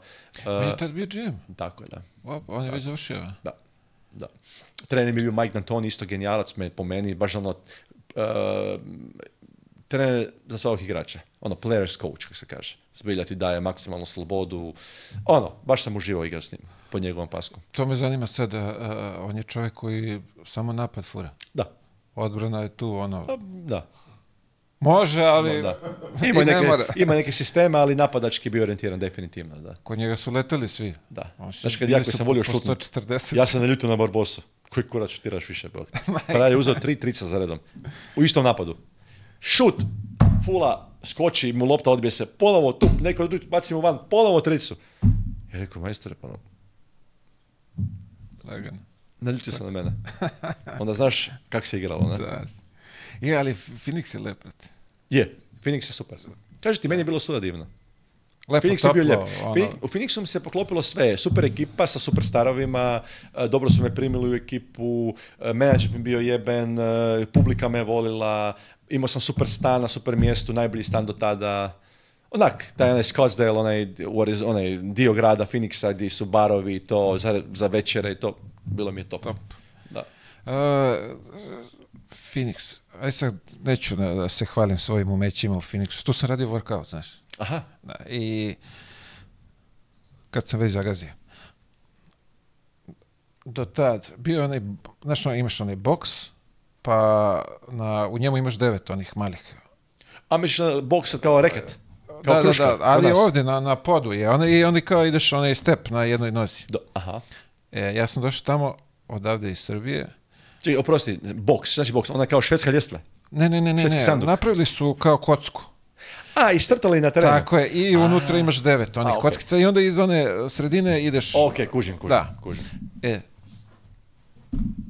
ja, najgori rezultat u istoriji Fenixa.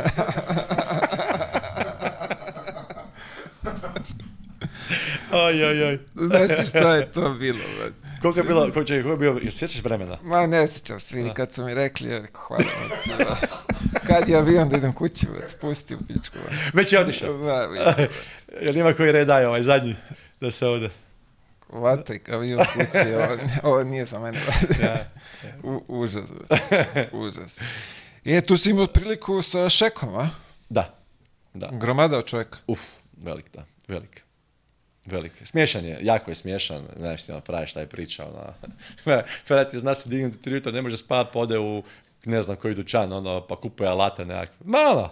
Pa je došao, došao s idejom, donio je onu, kako se zove, štemalicu. Što, okay. što imaš beton. Okay.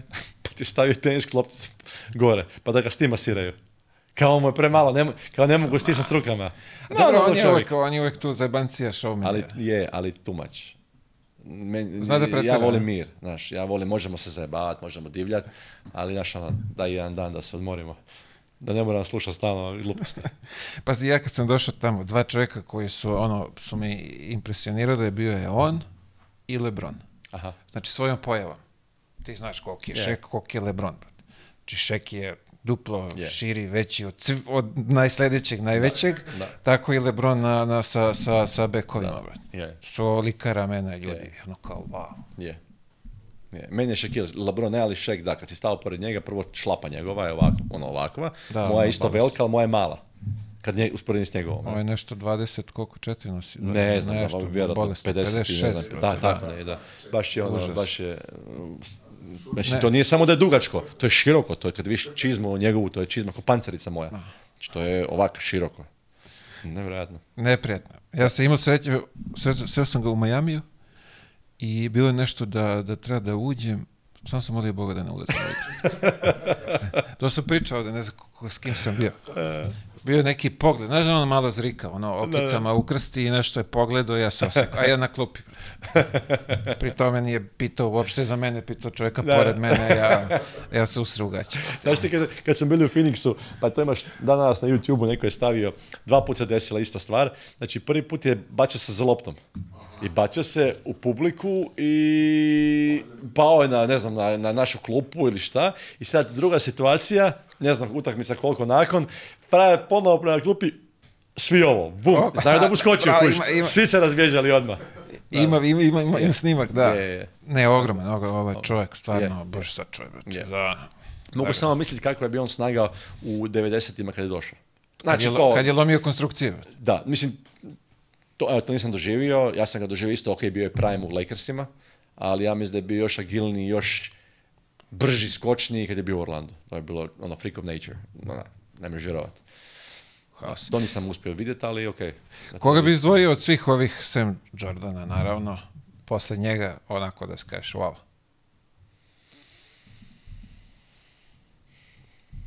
Kobe. Zbog njegovog skill seta. Znači, nije ga bilo teško čuvati u smislu energetski potrošnje, ali recimo sami skill set i to najbliži Michaelu. Ja se čak uvijek u razgovoru debatama kažem da je bio talentiraniji od Michaela karizmatičniji nije, e, ali, ali talentiraniji, zato što je imao sve ko Michael, on je bio malo limitiran sa, ako uspoređujemo sa Michaelom naravno, atletskim sposobnostima. Veličina šake, e, atletski skok, eksplozivnost, to. Ali je bio bolji od Michaela, imao je identično koji on sve, što se tehnike, a bolji šut za tri pojena je bolju ljevu ruku. To je moje viđenje. Ali je Michael Goat najbolji. I, Slažem se. Da ali talentiran je bio Kobe. Znači on, pa drugo, sad, kažem, on mi bio onak, nije me impresionirao, ali mi bio onak, baš da mi je gužga je bilo pogledat. Ne? Pa neko drugi baš ne, mogu reći kom je bio teži za igrat, koga je bilo teže čuvati, to, nik, ono, to sam već i govorio, a ljudi uvijek iznenadi. Alan Houston recimo, njega je bilo veliki problem ga čuvati. Ja sam ga čučio, on je došao kod nas na, na ovaj uh, kamp, mhm. kad sam bio u New Jersey. Brate, Kakav je on je bio, on je bio taj specifičan šuter, dobar, sa tim izbačajem visokim. Da, I meni je zabio šest pojena za redom. Tri, tri koša, šest pojena za redom, išao na klupu, to je prvi igrač, mislim, jedan od rijetkih možda, njega se baš sjećam da me, malo ne sam sam tražio iz Ne mogu čuvati. Znači, prodao mi je tri puta istu foru. Znači da on uvijek ima izolaciju na, na reketu, na penal, oko penala, ono elbow ili penal i imao je tu, ruku, držao je tu, ali štira je odavde, odmah gore. Da, Nema tu spuštanja, nego ovu primio i odmah gore. I onda ti ima onu foru, tipa kad si mu došao blizu, jer ako mu se makneš, kak ima ovdje loptu, on šutne vrlo lagano preko tebe. A ako si mu došao blizu, onda ti ima, ima je foru da, ti, da te bokom, da ti uđe, znači uđe u tebe bočno, da te odbaci, uđe ti u jaja, kako ti kaže. Ne? I ti po defaultu moraš napraviti ovo. Malo ustukneš. A on sad ok, sad napraviš to i on u povratku kad se vraća, ti si već bio udaljen, on radi, odmah diže loptu gore za šut. Pripadje. Znači to je, a bio je šuter fantastičan. Recimo to mi je bilo teško, bio je statičan, ali je tu fintu imao da me zabi, pardon, zabio mi šest pojena za redom i Rip Hamilton iz Detroida, on mi je bio energetski težak čuvati, ja se puno kretao, imao je puno blokova i to je bila makljaža. Svaki da, ono, da, Detroit da, mi je prisijao ja sam išao preko blokova, borio sam se, ali sam redovito bio izodaran po noga. Imao si Collisona, Williamsona, uh, e, Rashid Wallasa i Ben Wallasa. Njih trojica su radila blokove njemu. Imao si Rip Hamiltona i Chancea Billopsa. Znači ova trojica ovog su samo me gađaju. Zajebano, ali dobro. I kad spominješ e, Rashid Wallasa, ko je najveći trash talker tamo bio? Mm, pa ja mislim da je Gary Payton. Čak sam Gary Paytona sam isto da igram s njim, da. Već trash Talker od uh, Rashid Wallace? Mislim da je. Wow. Mislim da je. Dobro, gledaj, ja sam uh, bekovska pozicija, pa sam čuo Gary Paytona, znaš. Rashida nisam čuo, pa sad, baš da sam ga čuo da mi priča nešto na uho, baš i nisam. Ne. Tako da ne znam, mislim da je Gary Payton. I on je poznat kao trash talker. Ne. ne, to sam nešto vjerojatno zagubio. Ali to je, meni geri Gary Payton je baš trash talker. Zanimljivo. Da, mislim da ti je i ovaj Jason Williams pričao nešto, da je podcast ovome, kad je mene spominjao, da je nešto govorio. Sa, Nisam pratio, samo iskočio mi je negdje ovo za, tebe, pa rekao, ajde kad već, je, Gary Payton kad se već tu da te pitam, ali sam vidio da si umeđu vremenu to demantovao. Sean Kemp mi je bio legenda, kad sam, da se vratim, digresija. Legenda. Ne znam kakav je bio u prime timeu ja sam ga imao prilike upoznati u Orlandu. Gdje U Orlandu? Da, e, već je bio debel. Znači, posle lockouta onoga, Fraj se jeben lik. Baš ono fora čovjek. Ni malo ega, znaš ono, raja, super, legenda. Ja čekaj, bre, on je nešto napravio tonu dece, žena. To, ne, ima dogodošna jedna, e, bili su Clevelandu igrali i kak je tad Cleveland bio prije Lebrona, nije bio naš, na, rupa kanta za napucavanje. Tako je. I ono, trči, trči pa čovjek nekakav, muk, je time out, muk nekakav, jednom trenutku neko se diže i kaže Sean, are you my daddy? Znaš, kao pravi ima 11 djece sa, sa 11 žena i sad, znaš, da se zabavaju na taj račun, kao, jesi li ti moj otac? sad mi ono gledao, smiješ se, bak da nemaš. Vidi da se, i, i ne znaš da li da se smiješ ili da se ne smiješ. Da, pa Prejako. Ovaj, povratak u Evropu. Jesi li ti, ne, sve okej. Okay. Sve okej. Okay. Jesi li ovaj... Uh, ok, to je bilo uh, log, uh, kriza... 2008. Da. 2008. je bila globalna kriza, uh, Turska je tada stajala jako dobro. Turska je bila, ekonomija bila jako, ja, bili su jaki. Ja sam uletio baš u tom periodu i tražili su me i to je to. popisao sam za njih dvije godine. Tad sam prvi put zapravo išao zbog uh, love.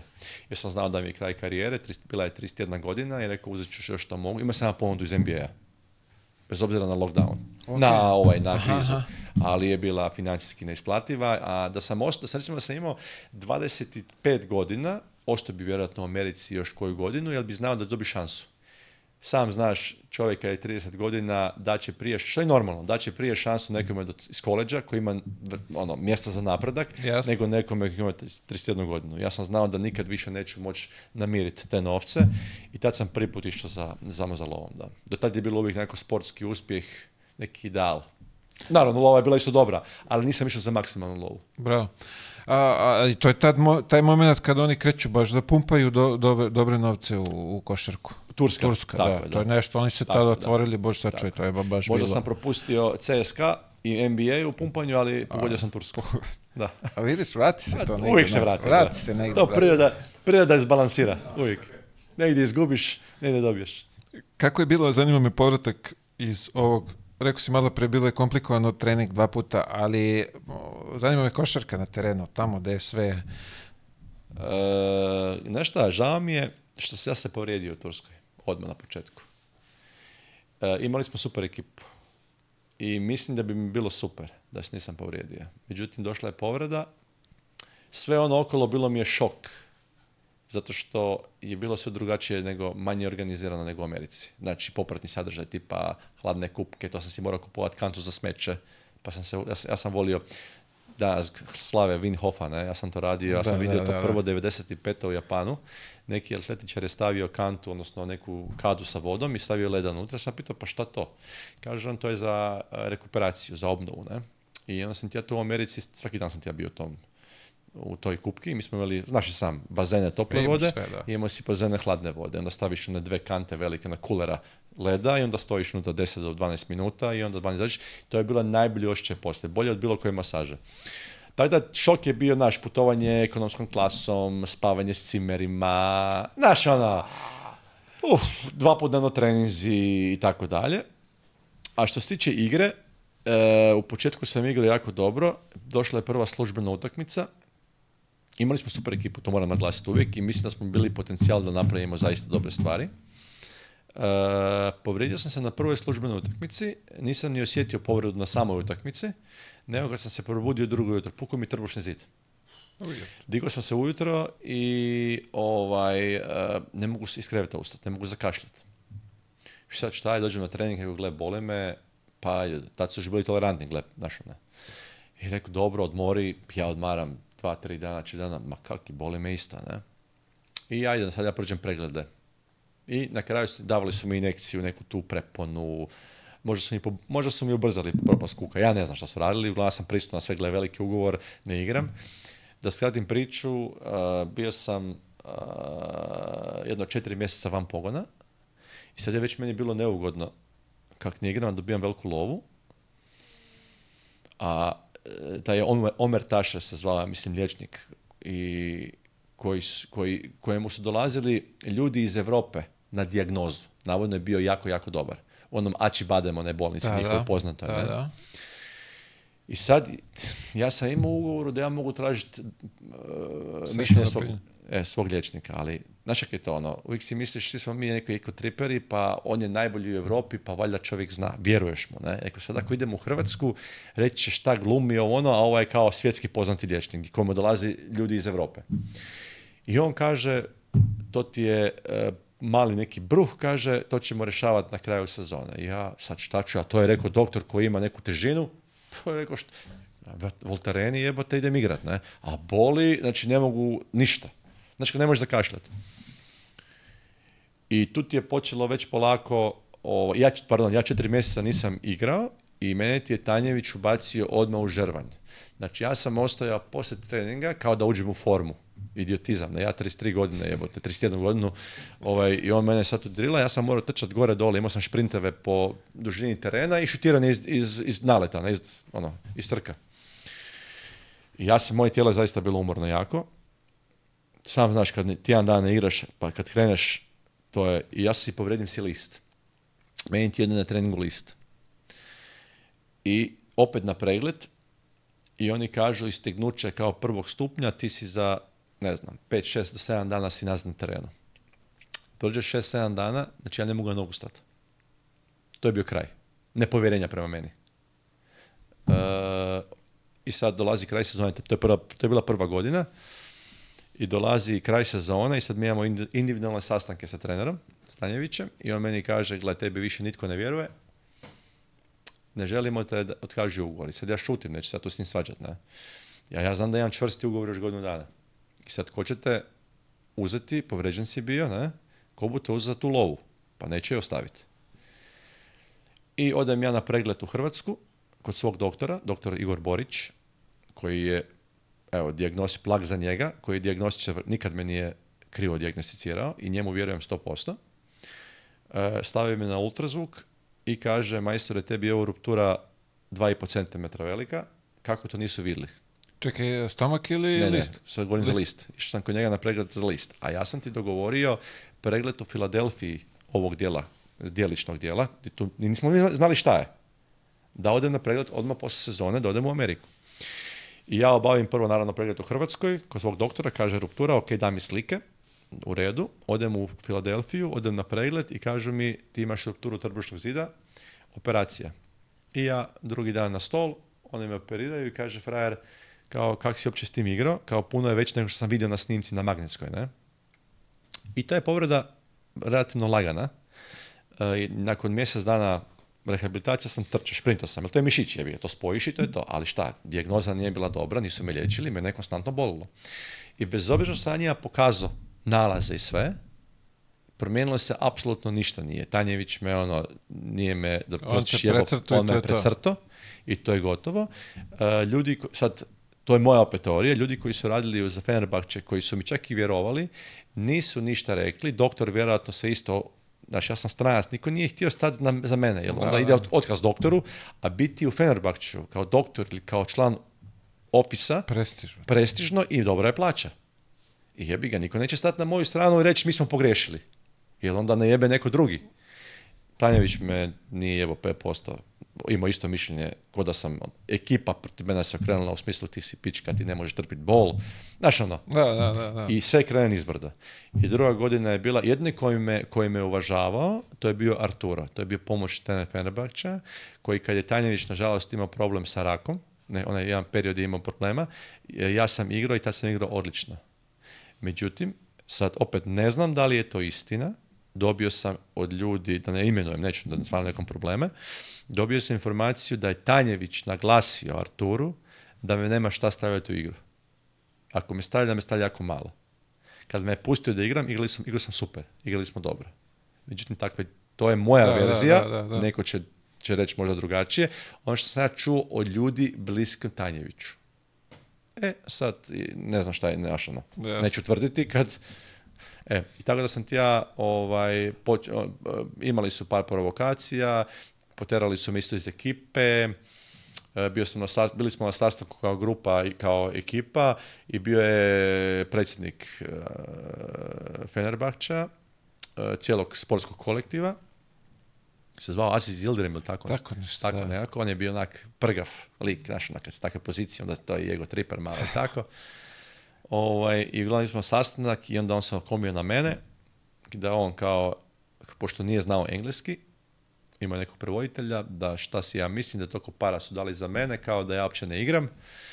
I ja sam samo rekao kao, jel smijem ja reći nešto da ne mogu? I kaže, izbačen si iz ekipe. I ja sad neću ja svađat šutim i šta sad.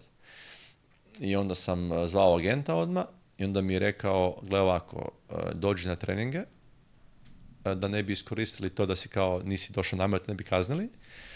I onda su mi poslali i zajedno sa mnom i javnog bilježnika da se osiguramo da službena osoba potvrde da sam dolazio, da ne mogu oni reći da nisam dolazio on je to popisao i onda mi je jedan iz uprave koji me, Nedim, Karakaš, kojeg ja imam, pratimo se na Instagramu, ovaj, zamolio me kao, gle, jebi ga, našao. Ono, žao nam je, ali zaista su rekli iz uprave da moraš, ne smiješ dolaziti više.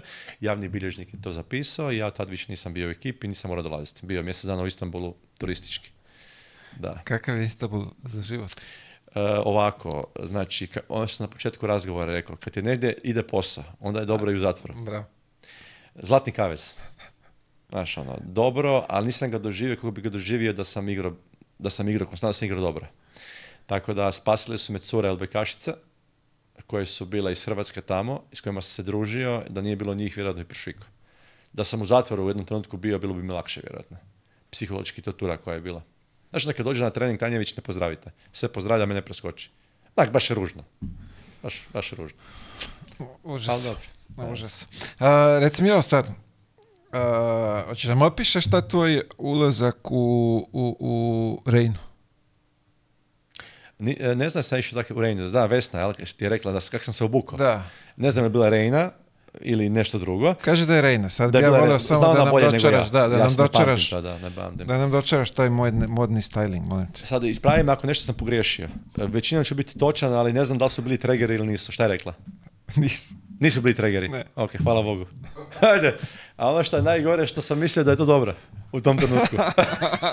Jesi, ja sam faca je, ja sam ono, ono ja sam, e, kako se kaže to, e, trendsetter, znači nisam ja follower, da ja pratim nekoga, ne, ja sad postavljam trendove. Bože me sačuvaj.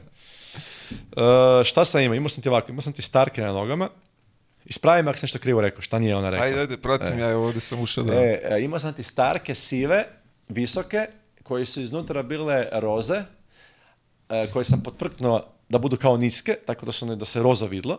Imao sam, imao sam e, ne broš, nego onaj, kako se zove onaj, beč beč.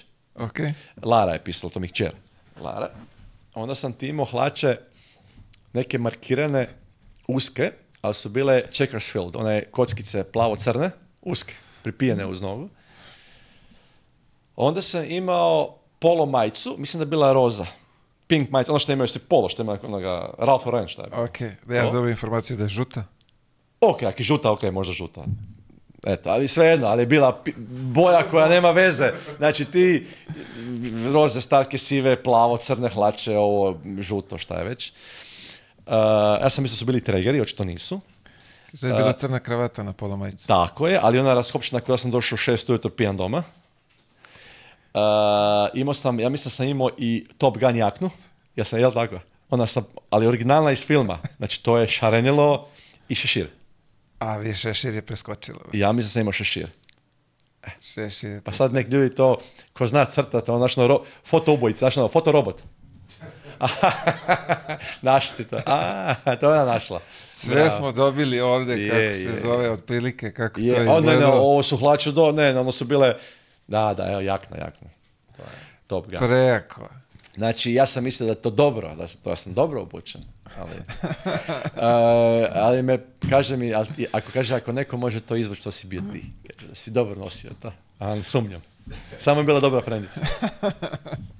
Znači, ipak frendovi ne postoje muško-ženski. Ipak nije bila frendica. Ne, me, Lagala me, lagala me. To vi poslije vidite. Da. hvala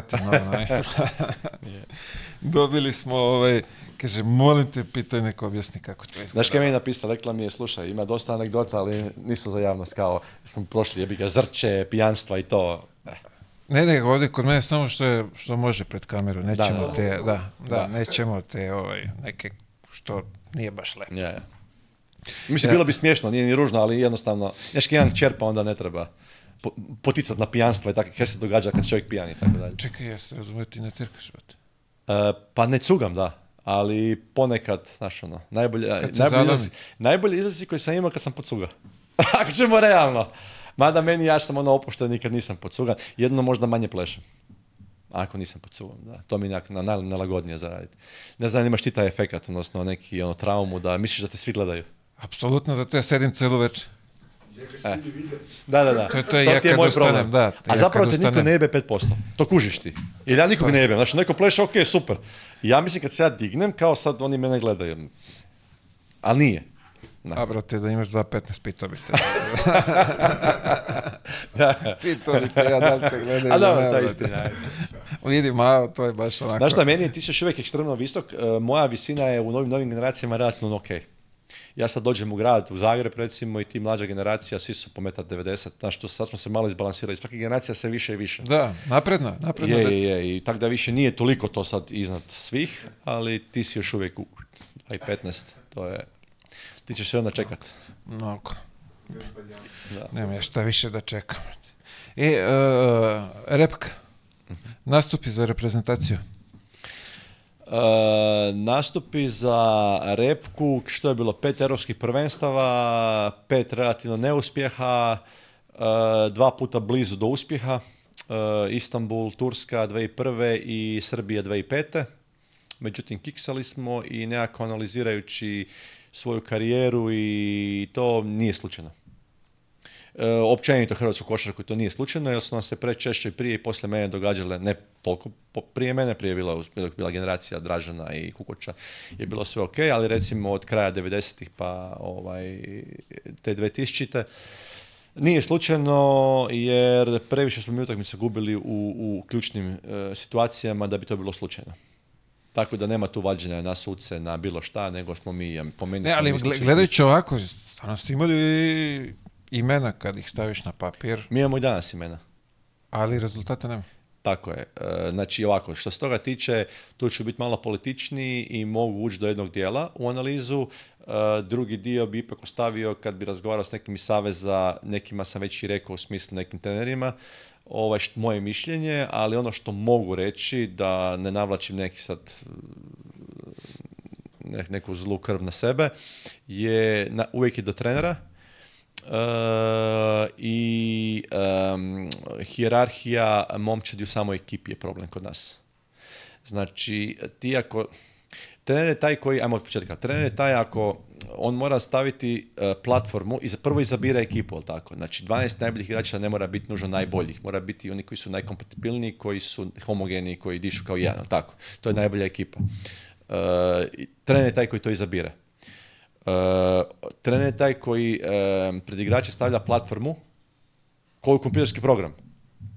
Moraš izvući najbolje iz svog igrača, ali tako? Ako trener koji zna posao, on će usmjeriti svakog igrača šta mu je dužnost i šta mora raditi, jel tako? Znači moraš omogućiti platformu svakom igraču da on da maksimum. Eh, treće, trener je taj koji postavlja hijerarhiju odnosa u ekipi. Kada? Onda kada ekipa to sama nije u stanju napraviti.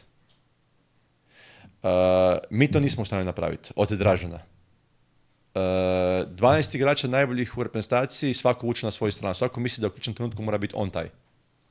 To ne ide. Znači, ekipa sama nije mogla iznjedriti vođu. Vođa je bio nominalno na papiru. Međutim, na terenu to tako nije bilo. I tu je trenerski posao da to napravi. Da li to zahtijeva neki radikalni potez? Micanje udaljavanje igrača što ste vi radili. I onda ideš na štitu ili sa štitom. Da. Ali si dobio si, na, po meni uvijek moraš napraviti najbolje uvjete da uspiješ. A naravno da uvijek postoji kiks, mogućnost kiksa i tad preuzimaš odgovornost za sebe i kažeš majstor ja sam to, dajem svoj mandat na raspolaganje, nisam uspio i neka se, ili dajem sam na poziv u ostavku i ideš dalje. E to mi nemamo. Uh, e, Hierarhija u ekipi sada je odlična. I po meni današnja Hrvatska ima šanse velike napraviti iskorak da li je to na ovome sad kvalifikacijskom turniru za, šta je, za, za olimpijadu tako, šta je sad ide? Ne, Olimpijada da, je sad na, na, na letu. E, ako i ne uspijemo, ili je teško da ćemo uspjeti, ali drži, ja vjerujem u dečke da mogu, ovo što sam ja vidio, siguran sam da ćemo postaviti temelje moderne, normalne igre, da ćemo igrati prepoznatljivo dobro, u razliku od zadnjih 10-15 godina prepoznatljivo loše. Mi igru koju smo igrali je bila 1 na 5 kad gledaš druge ekipe od Češke, Poljske, vaše, Slovenije, to se svi kreću, svi su opasni. Mi tako negdje, mi smo igrali 1 na 5, statično, jedan igra 4 stoji i ti to možeš raditi u prvoj minuti. Ali u 40. minuti ne možeš, jer ekipe melju u obrani konstantno, a ti si umoran i to ne može proći. Tako da sada, hjerarhija koliko ja vidim, odnosi u momčadi su strahovito dobri, imamo talente. E, ja uvijek naglašavam tog Darija Šarića. Smatram da je Dario taj koji mora biti vođa u bilo ekipi koja dođe. Jer ima karizmu pobjednika koju ne možeš dobiti. E, ne možeš stvoriti. To imaš po rođenju. On je taj. On je taj. Nio. Matrix. Za mene. Jasno kako. Ja govorim svoje mišljenje. Zašto to govorim? Zato što ja kad sam prošao tih puno ekipa, znam koliko je bitan karakter osobe koja je vođa. Znači, on je taj koji je radi koheziju u ekipi, koji ne radi klanove. On je taj koji će napraviti na terenu, zabit će pet poena, ali će napraviti nešto što će više vrediti nego nečih 10, 15, 20 poena. Da li je to deflektirana lopta, da li je to promjena neka na blokadu iz drugog plana, da li je to asistencija. Znači on radi stvari koje ne može svatko napraviti. Sad je Hezonja tu, koji je sazrio koji igrač, koji je po meni jebeno konkretan igrač postao. E, u u NBA-u mi je imao jako lošu gestikulaciju, ali ga sad, e, po meni ne treba tako, ali ga mogu razumjeti ponovno. I tako se ponašao reprezentaciju jedno vrijeme. Sad kad je dobio svoju, opet ovdje trener, kad je dobio svoju ulogu koju ima, prepoznatljivu, da je on koristan, za mene je on odličan igrač, prodoran, koristan, koji voli dodat loptu. Nije sebičan. On možda je individualac po osobnosti, takav sam ja bio, ali nije kvaran. Nije loš za ekipu. On će biti sa strane, pusti ga. Ali, će, ti je karakterno za ekipu dobar. To je moje mišljenje, ne? Znači, po meni Šarić 1, on 2, Zubac 3, mali crni 4, nominalno 2. Po ulozi, po vođi. Samo crni je crni, pa mu ne treba ta svjetla pozornice, ne treba to ni Hezoni, ali on taj, kak bi rekao, kak bi to opisao, ne da mu treba svjetla pozornice, nego jednostavno nije mu bitno, jer možda nije odavde. Pa on to, on je tu, kak bi rekao, plaćenik. Tako. I on, ali je toliko koristan da je, druga, da je drugi u momčadi. Tako je, u mojim očima. Kako ja gledam, ako već uzimaš crnog, Znači, treba da bude koristan za ekipu. Tako, tako. On je karakterno, vidim da i on čini igrače isto boljim. A Šarić je taj koji je kompjuter koji preko njega mora svaka lopta. Jel on, jel zašto? Zato što ja znam da Šarić, on je kod Duncan. Znači, on neće iskoristiti neograničeni kredibilitet od trenera u svoju korist. Najjednostavnije rečeno. Znači, on će prvo gledat za ekipu, pa onda će on napraviti svoje. Evo. I zato je on dobar za, za bit vođa. Jel? I uz to što još uz njega se lijepe rezultati. Tako da evo, trener je prvi, a on zapravo trener je najbitniji. Tako da on, mislim da su kiksali i u moje doba, su kiksali sa tim vođom, hijerarhijom u momčadi. Gledaj, dođe sajnat, onda ja šutnem jednu, neko drugi šutne drugu, neko treći treću i sad koliko je šansa da svako od nas pogodi 100%. 100%. Ali ako uzme jedan igrač pet šuteva, pa dva, tri će staviti. E, kužiš. A i onda za, njega ekipa radi. Ali kad svako vuče na svoju stranu, to je jako teško. Evo, to je neka analiza, sad da ne ulazim u neki dubioze tamo. To, da, mislim dovoljno i... Ali opet, to je moje viđenje, kako ja vidim, jer sam ja bio u, gledao sam period prije mene, gledao sam svoj period i gledam sad posle, post moj period, ne? I vidim di, mi je cijelo vrijeme ista, isti light motiv mi se pojavljuje, ne? I je... bio si tu, prošao si to, znaš kako je sve i mane i prednosti, mislim opet. A imali smo uvijek, uvijek smo imali super igrače, znači uvijek, ne gledaj, mislim, imao si babu koji je skoren 20 pojena, on je, on s lakoćom za trice, leđna, znači to je lakoća. Ali hirarhija u momčadi, ko šta radi, to je bilo, ti odnosi su bili, opet moje viđenje, vani smo super, na terenu smo, nismo, nismo isti. Bila je situacija kad su to bivše jugi, ne znam, Eh, Hićana, Vitali već ne mogu se podnijeti. Brate, na terenu su koji jedan. Da. Razumiješ? To treba.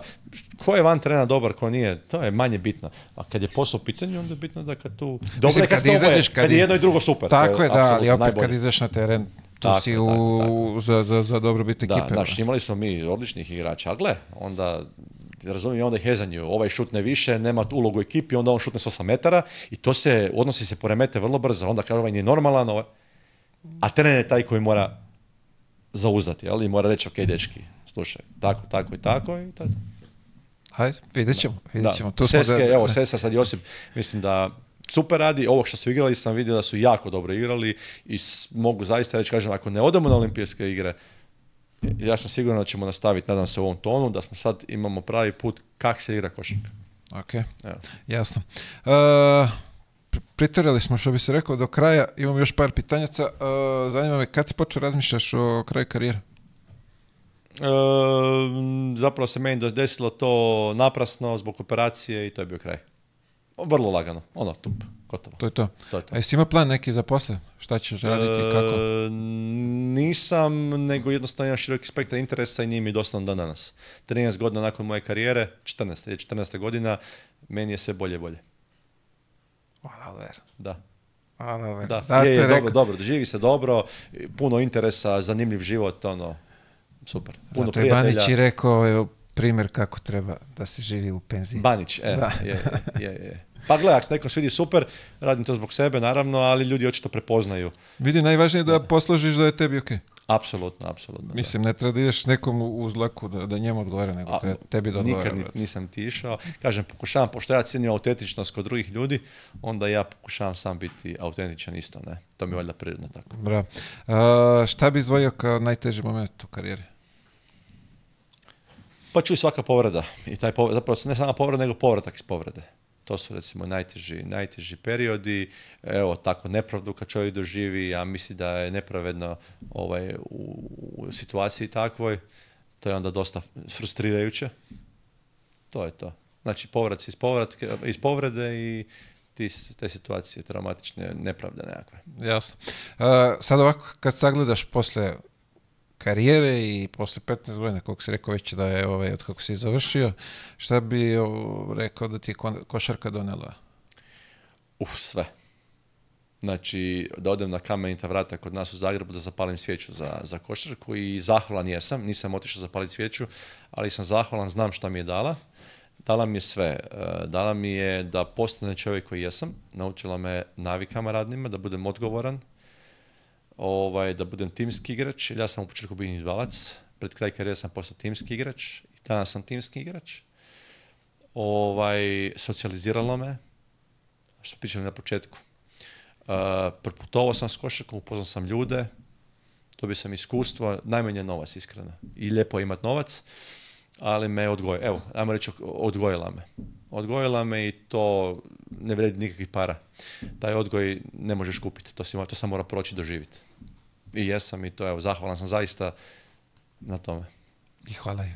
Hvala košarci. Da. Uh, e, ja bi mogao da mi napraviš petorku sa igrača iz karijere? Uh, naš hrvatski Ajde se zadržamo ovdje, ovdje, naših, nećemo... Uh, stvari vidi, sad tamo preko je bilo isto dobrih igrača. Da. Petorku s kojima sam ja igrao. Ok, uh, ajde krenut ću koji sam znam sigurno. To su Rađa na četiri, Kukoć, ili ćemo moći staviti Rađa na pet, pa Kukoć na četiri. Pa ne znam kako ću ga. Ajde da vidim koji će ostala trojica, pa da vidim onda. Uh, ovako, znači centra jednoga, koga, kog bi mogao čekaj. Ovako ću. Evo, ovo, ovo, ovo što ja mislim da bi moja ekipa bila dobra. Rađa na pet sad ću iznenaditi na četvorci. Ali to je moje iskustvo. Nema šanse da, da ljudi, ono, Aram i Snaglić. Znam da ti je suludo. Kukoč na, na trojici. Jer Aram, i da ti kažem da nije najbolja ekipa oni koji su najbolji igrači. Nego ja slažem kako bi ja, mislim da bi napravio najbolji rezultat. Jer Aramis je četvorka koja je za poželite da, sad ne ulazimo u detalje, moje mišljenje, okay, okay, ali to je okay. ono, već vjerojatno poludio ovaj frajer. Zato jeste tvoja petorka. Da. Uh, beka kojeg bi stavio, o, Dražana, ali nisam, ne, nisam igrao s njima, pardon. Nisam si... Tražimo sa igrača, da. Sa igrača, da. Onda ću... O, jebem ti koji beku. Najteže pitanje uvijek ostavljam za kraj. Da. U, Bek, Bek, Bek, Bek, Bek. Ne, sebe ne mogu staviti, tako? Ne. Da. Mm, drugi bek. Ne, playmaker, playmaker bi rekao... I, rekli smo, ovo, ne, ne, ne Evropa, nego ovo područje, tako? Ovo ovdje, da. Uh, playmaker... Boga mi je kako je ovo lepo gledati, o, A nemamo mi vremena toliko, gle. Sad glupo je da bit će, možeš ti to skratiti poslije. Sve ćemo mi skratiti nešto, ali nećemo, zanimljivo je ovako da, da, da čuju ljudi da... Da. Pa stavit ću, evo, stavit ću...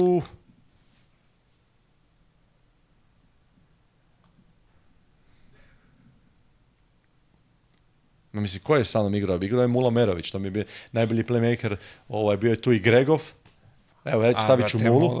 Stavit ću Tata bi. Da, i drugi bek, drugi bek, a da sam s njim igrao,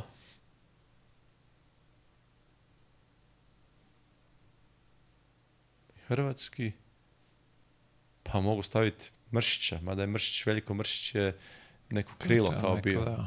Ali dobro, nema veze. I bilo je ovdje i ove petorke samo centri. Ili nek bude Zdravko Radulović iz prime time-a, eto, neka nekom on bude drugi back, da. Okay. Ali sad opet to je onda malo i potrošna lopte, pa sam to, ove, to sam malo šara, prvo ovo za ekipu, pa onda ovo sad najbolji.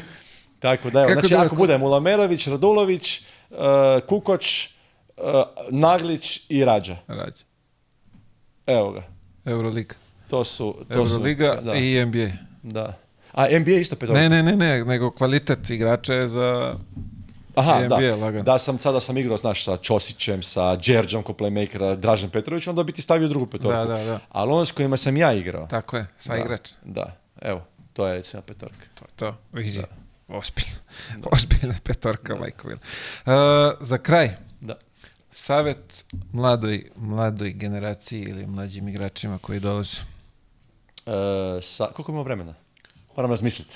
Ne, šalim se, znam, znam, zato što to i svojih čeri sam govorio uvijek i to je nekako bio moj, moj, moje viđenje svega. E, šta god da radiš, e, radi 100% maksimalno, e, zato što nitko nije pobijedio još, ono, father time. Niko nije oca vrijeme pobijedio i, ajmo reći, držimo se sporta. Sportska karijera je jako kratka. Tako je. I bilo je igrača i prije mene i poslije mene i bit će ih još koji su bili puno više talentiraniji od mene, nisu napravili, nisu dali maksimum. E, daj maksimum, jer kad jedan puta prođe vrijeme, kad se okreneš iza i pogledaš retrospektivu svoje karijere, najgori osjećaj koji te drži budnim noćima, mogo sam bolje. Ti kad ne uspiješ, ali si dao maksimum, ti si miran. Ništa si ne zamiraš. A kad nisi dao maksimum i znaš da si mogao bolje, e, keeps you awake at night. Da, da. Eto, to je recimo, znači daj maksimum i bit ćeš zadovoljan. Top. Šta god da se desi na kraju. Jasno, hvala ti lepo. I e, ovdje imam ja za tebe dve A kakav gospodin, ja mislim da će mi ovo, pa nisam valjda ljubio nekoga. Pogledaj. ovo piju iz Da im. Ovo je čaša. Da, to je. Dobro. Kod nas kaže šolja, majca. brate, ne znam kako šolja, je. Da. Šolja. Da. Meni je deda, deda Popini, kaže već se šolja. E, a to je ovaj, majica. E, svaka čast. Samo mislim da je bela za svaka tebe. Svaka čast. Mogu ga izvajiti odmah. Pokloni se uvijek otvaraju. Tiče, da, to je dakle, kulturno. Da. Ne, nisam ti ubacio. Dođem na rođena, poklonim poklon, love, on kaže, ok, hvala i stavim. Rekao, otvori poklon. Ako otvoriš zbog love, nema unutra, brate, ne, nećeš naći. Ako nečega ima još... ima kod vas... Lova ima još nešto. Ovaj, kod vas kad su svadbe i ovo da, da se stavlja lova? Kao poklon. Ako ne, kod nas se u slavonskim selima se čita, pa se potuku kumovi ovo, kaže, pa kum, kum dao 100 evra, a on neki ne neznanac 500. Šta je kume škrtica onda fajt? Ja, da vidiš, ja sam mislio da se to samo kod nas čitao, da Ima i kod nas ovdje ima, u nekim. Ima, kod nas ovaj, da. neki imaju te običaje. Ove, ovaj, da, ali carski. Znači vidiš, to je to, brate. Običaji su isti. Si pogodio veličinu. Pa, brate. XL tamo. A? Tamo. Možda si mogao i u L. Evo ga. Mogu vidim, veliki ti je kroj. Svaka čast. Ne, ne, dobro, odlično. Veliki je kroj. Da, Ako XXL budeš... bila bi prevelika. Da. A je ovaj X, ovo je XL Možeš kao XLT u Americi. Ovo je malo tako je, tako je, malo. Pravio sam po svojim gabaritima. Odlično. jako lijepo, hvala puno. E. I hvala što si me pozvao, ovo ovaj, je bilo mi jako ugodno i opa. Mislim, I vidim, da, vidim da dobro radiš i želim ti sreću da nastaviš. Ne znam koliko si imao podcasta do sada, neka bude još na entu toliko. Pa evo, tu smo blizu stotke, jel tako? Bravo, bravo. Blizu, da, negde blizu smo stotke. Ovaj, naravno, nismo, nisam na nivou ovaj, inkubatora, pošto nisam, si ti rekao da je... da, si, vidim da ti, ali... da si slušan, da si gledan. Vidim ljude kad se rekao ide na podcast Jama Mile, kažu pa baš super, gledat ćemo sigurno, znači da te znaju i u regiji, ali i kod nas. Tako da... Ja mnogo eto. mogu ti reći i zade se, ovaj, baš dosta publike se javlja. A je, da prati, da ima s Hrvatske ozbiljan broj, tako da bravo, bit će mi ovaj drago da, da, da te čuju. Je, evo, ja ću skušati pogledati, da. da. vidim, najviše da vidim reakcije, kako će ljudi reagirati, danas će biti zadovoljni, da je bilo zanimljivo. Pa eto, pa šta bude. Vidi, ja sam bio oduševljen. Uh, još pa, na pitanjima dobrima, interesantnima, neke stvari sam po prvi puta rekao, jer nisam nekako u razgovoru s drugima došao do situacije da to kažem, ali evo, tako da će e, nešto, pa vidi, čuti, nešto novo u odnosu na druge podcaste gdje sam bio, jel? Pa nije novi, nisam novinar i onda je to malo ono... Ja, Manje više i ja sam prošao tu negdje gdje si ti prošao, pa... Pa znaš. Da. Nije, nije. A gdje si bio 91. A, 91. E, ako je 91. Gdje si bio 91. Ključ, ključno pitanje. Svih pitanja. Ključno pitanje. ključno pitanje. A, e, da se zahvalim na izvojnom vremenu. Hvala ti što si se ovaj, što odazvao se pozivao, bio moj gost. Nadam se da si uživo, da nije bilo nešto naporno. Super je bilo. Onako sportska priča jedna Apsolutno, evo preporuka, kogod se nečka i to, sumnjam da se nečkaju, ali neka dođu i nek se uvjere da je zbilja ugodno bilo. Tako je. E, još jednom, hvala mnogo, idemo mi na pijacu da pojedemo nešto. E, dragi gledalci, nadam se da ste uživali u našem razgovoru, a mi se vidimo već sljedeće srede. Svako dobro i pozdrav.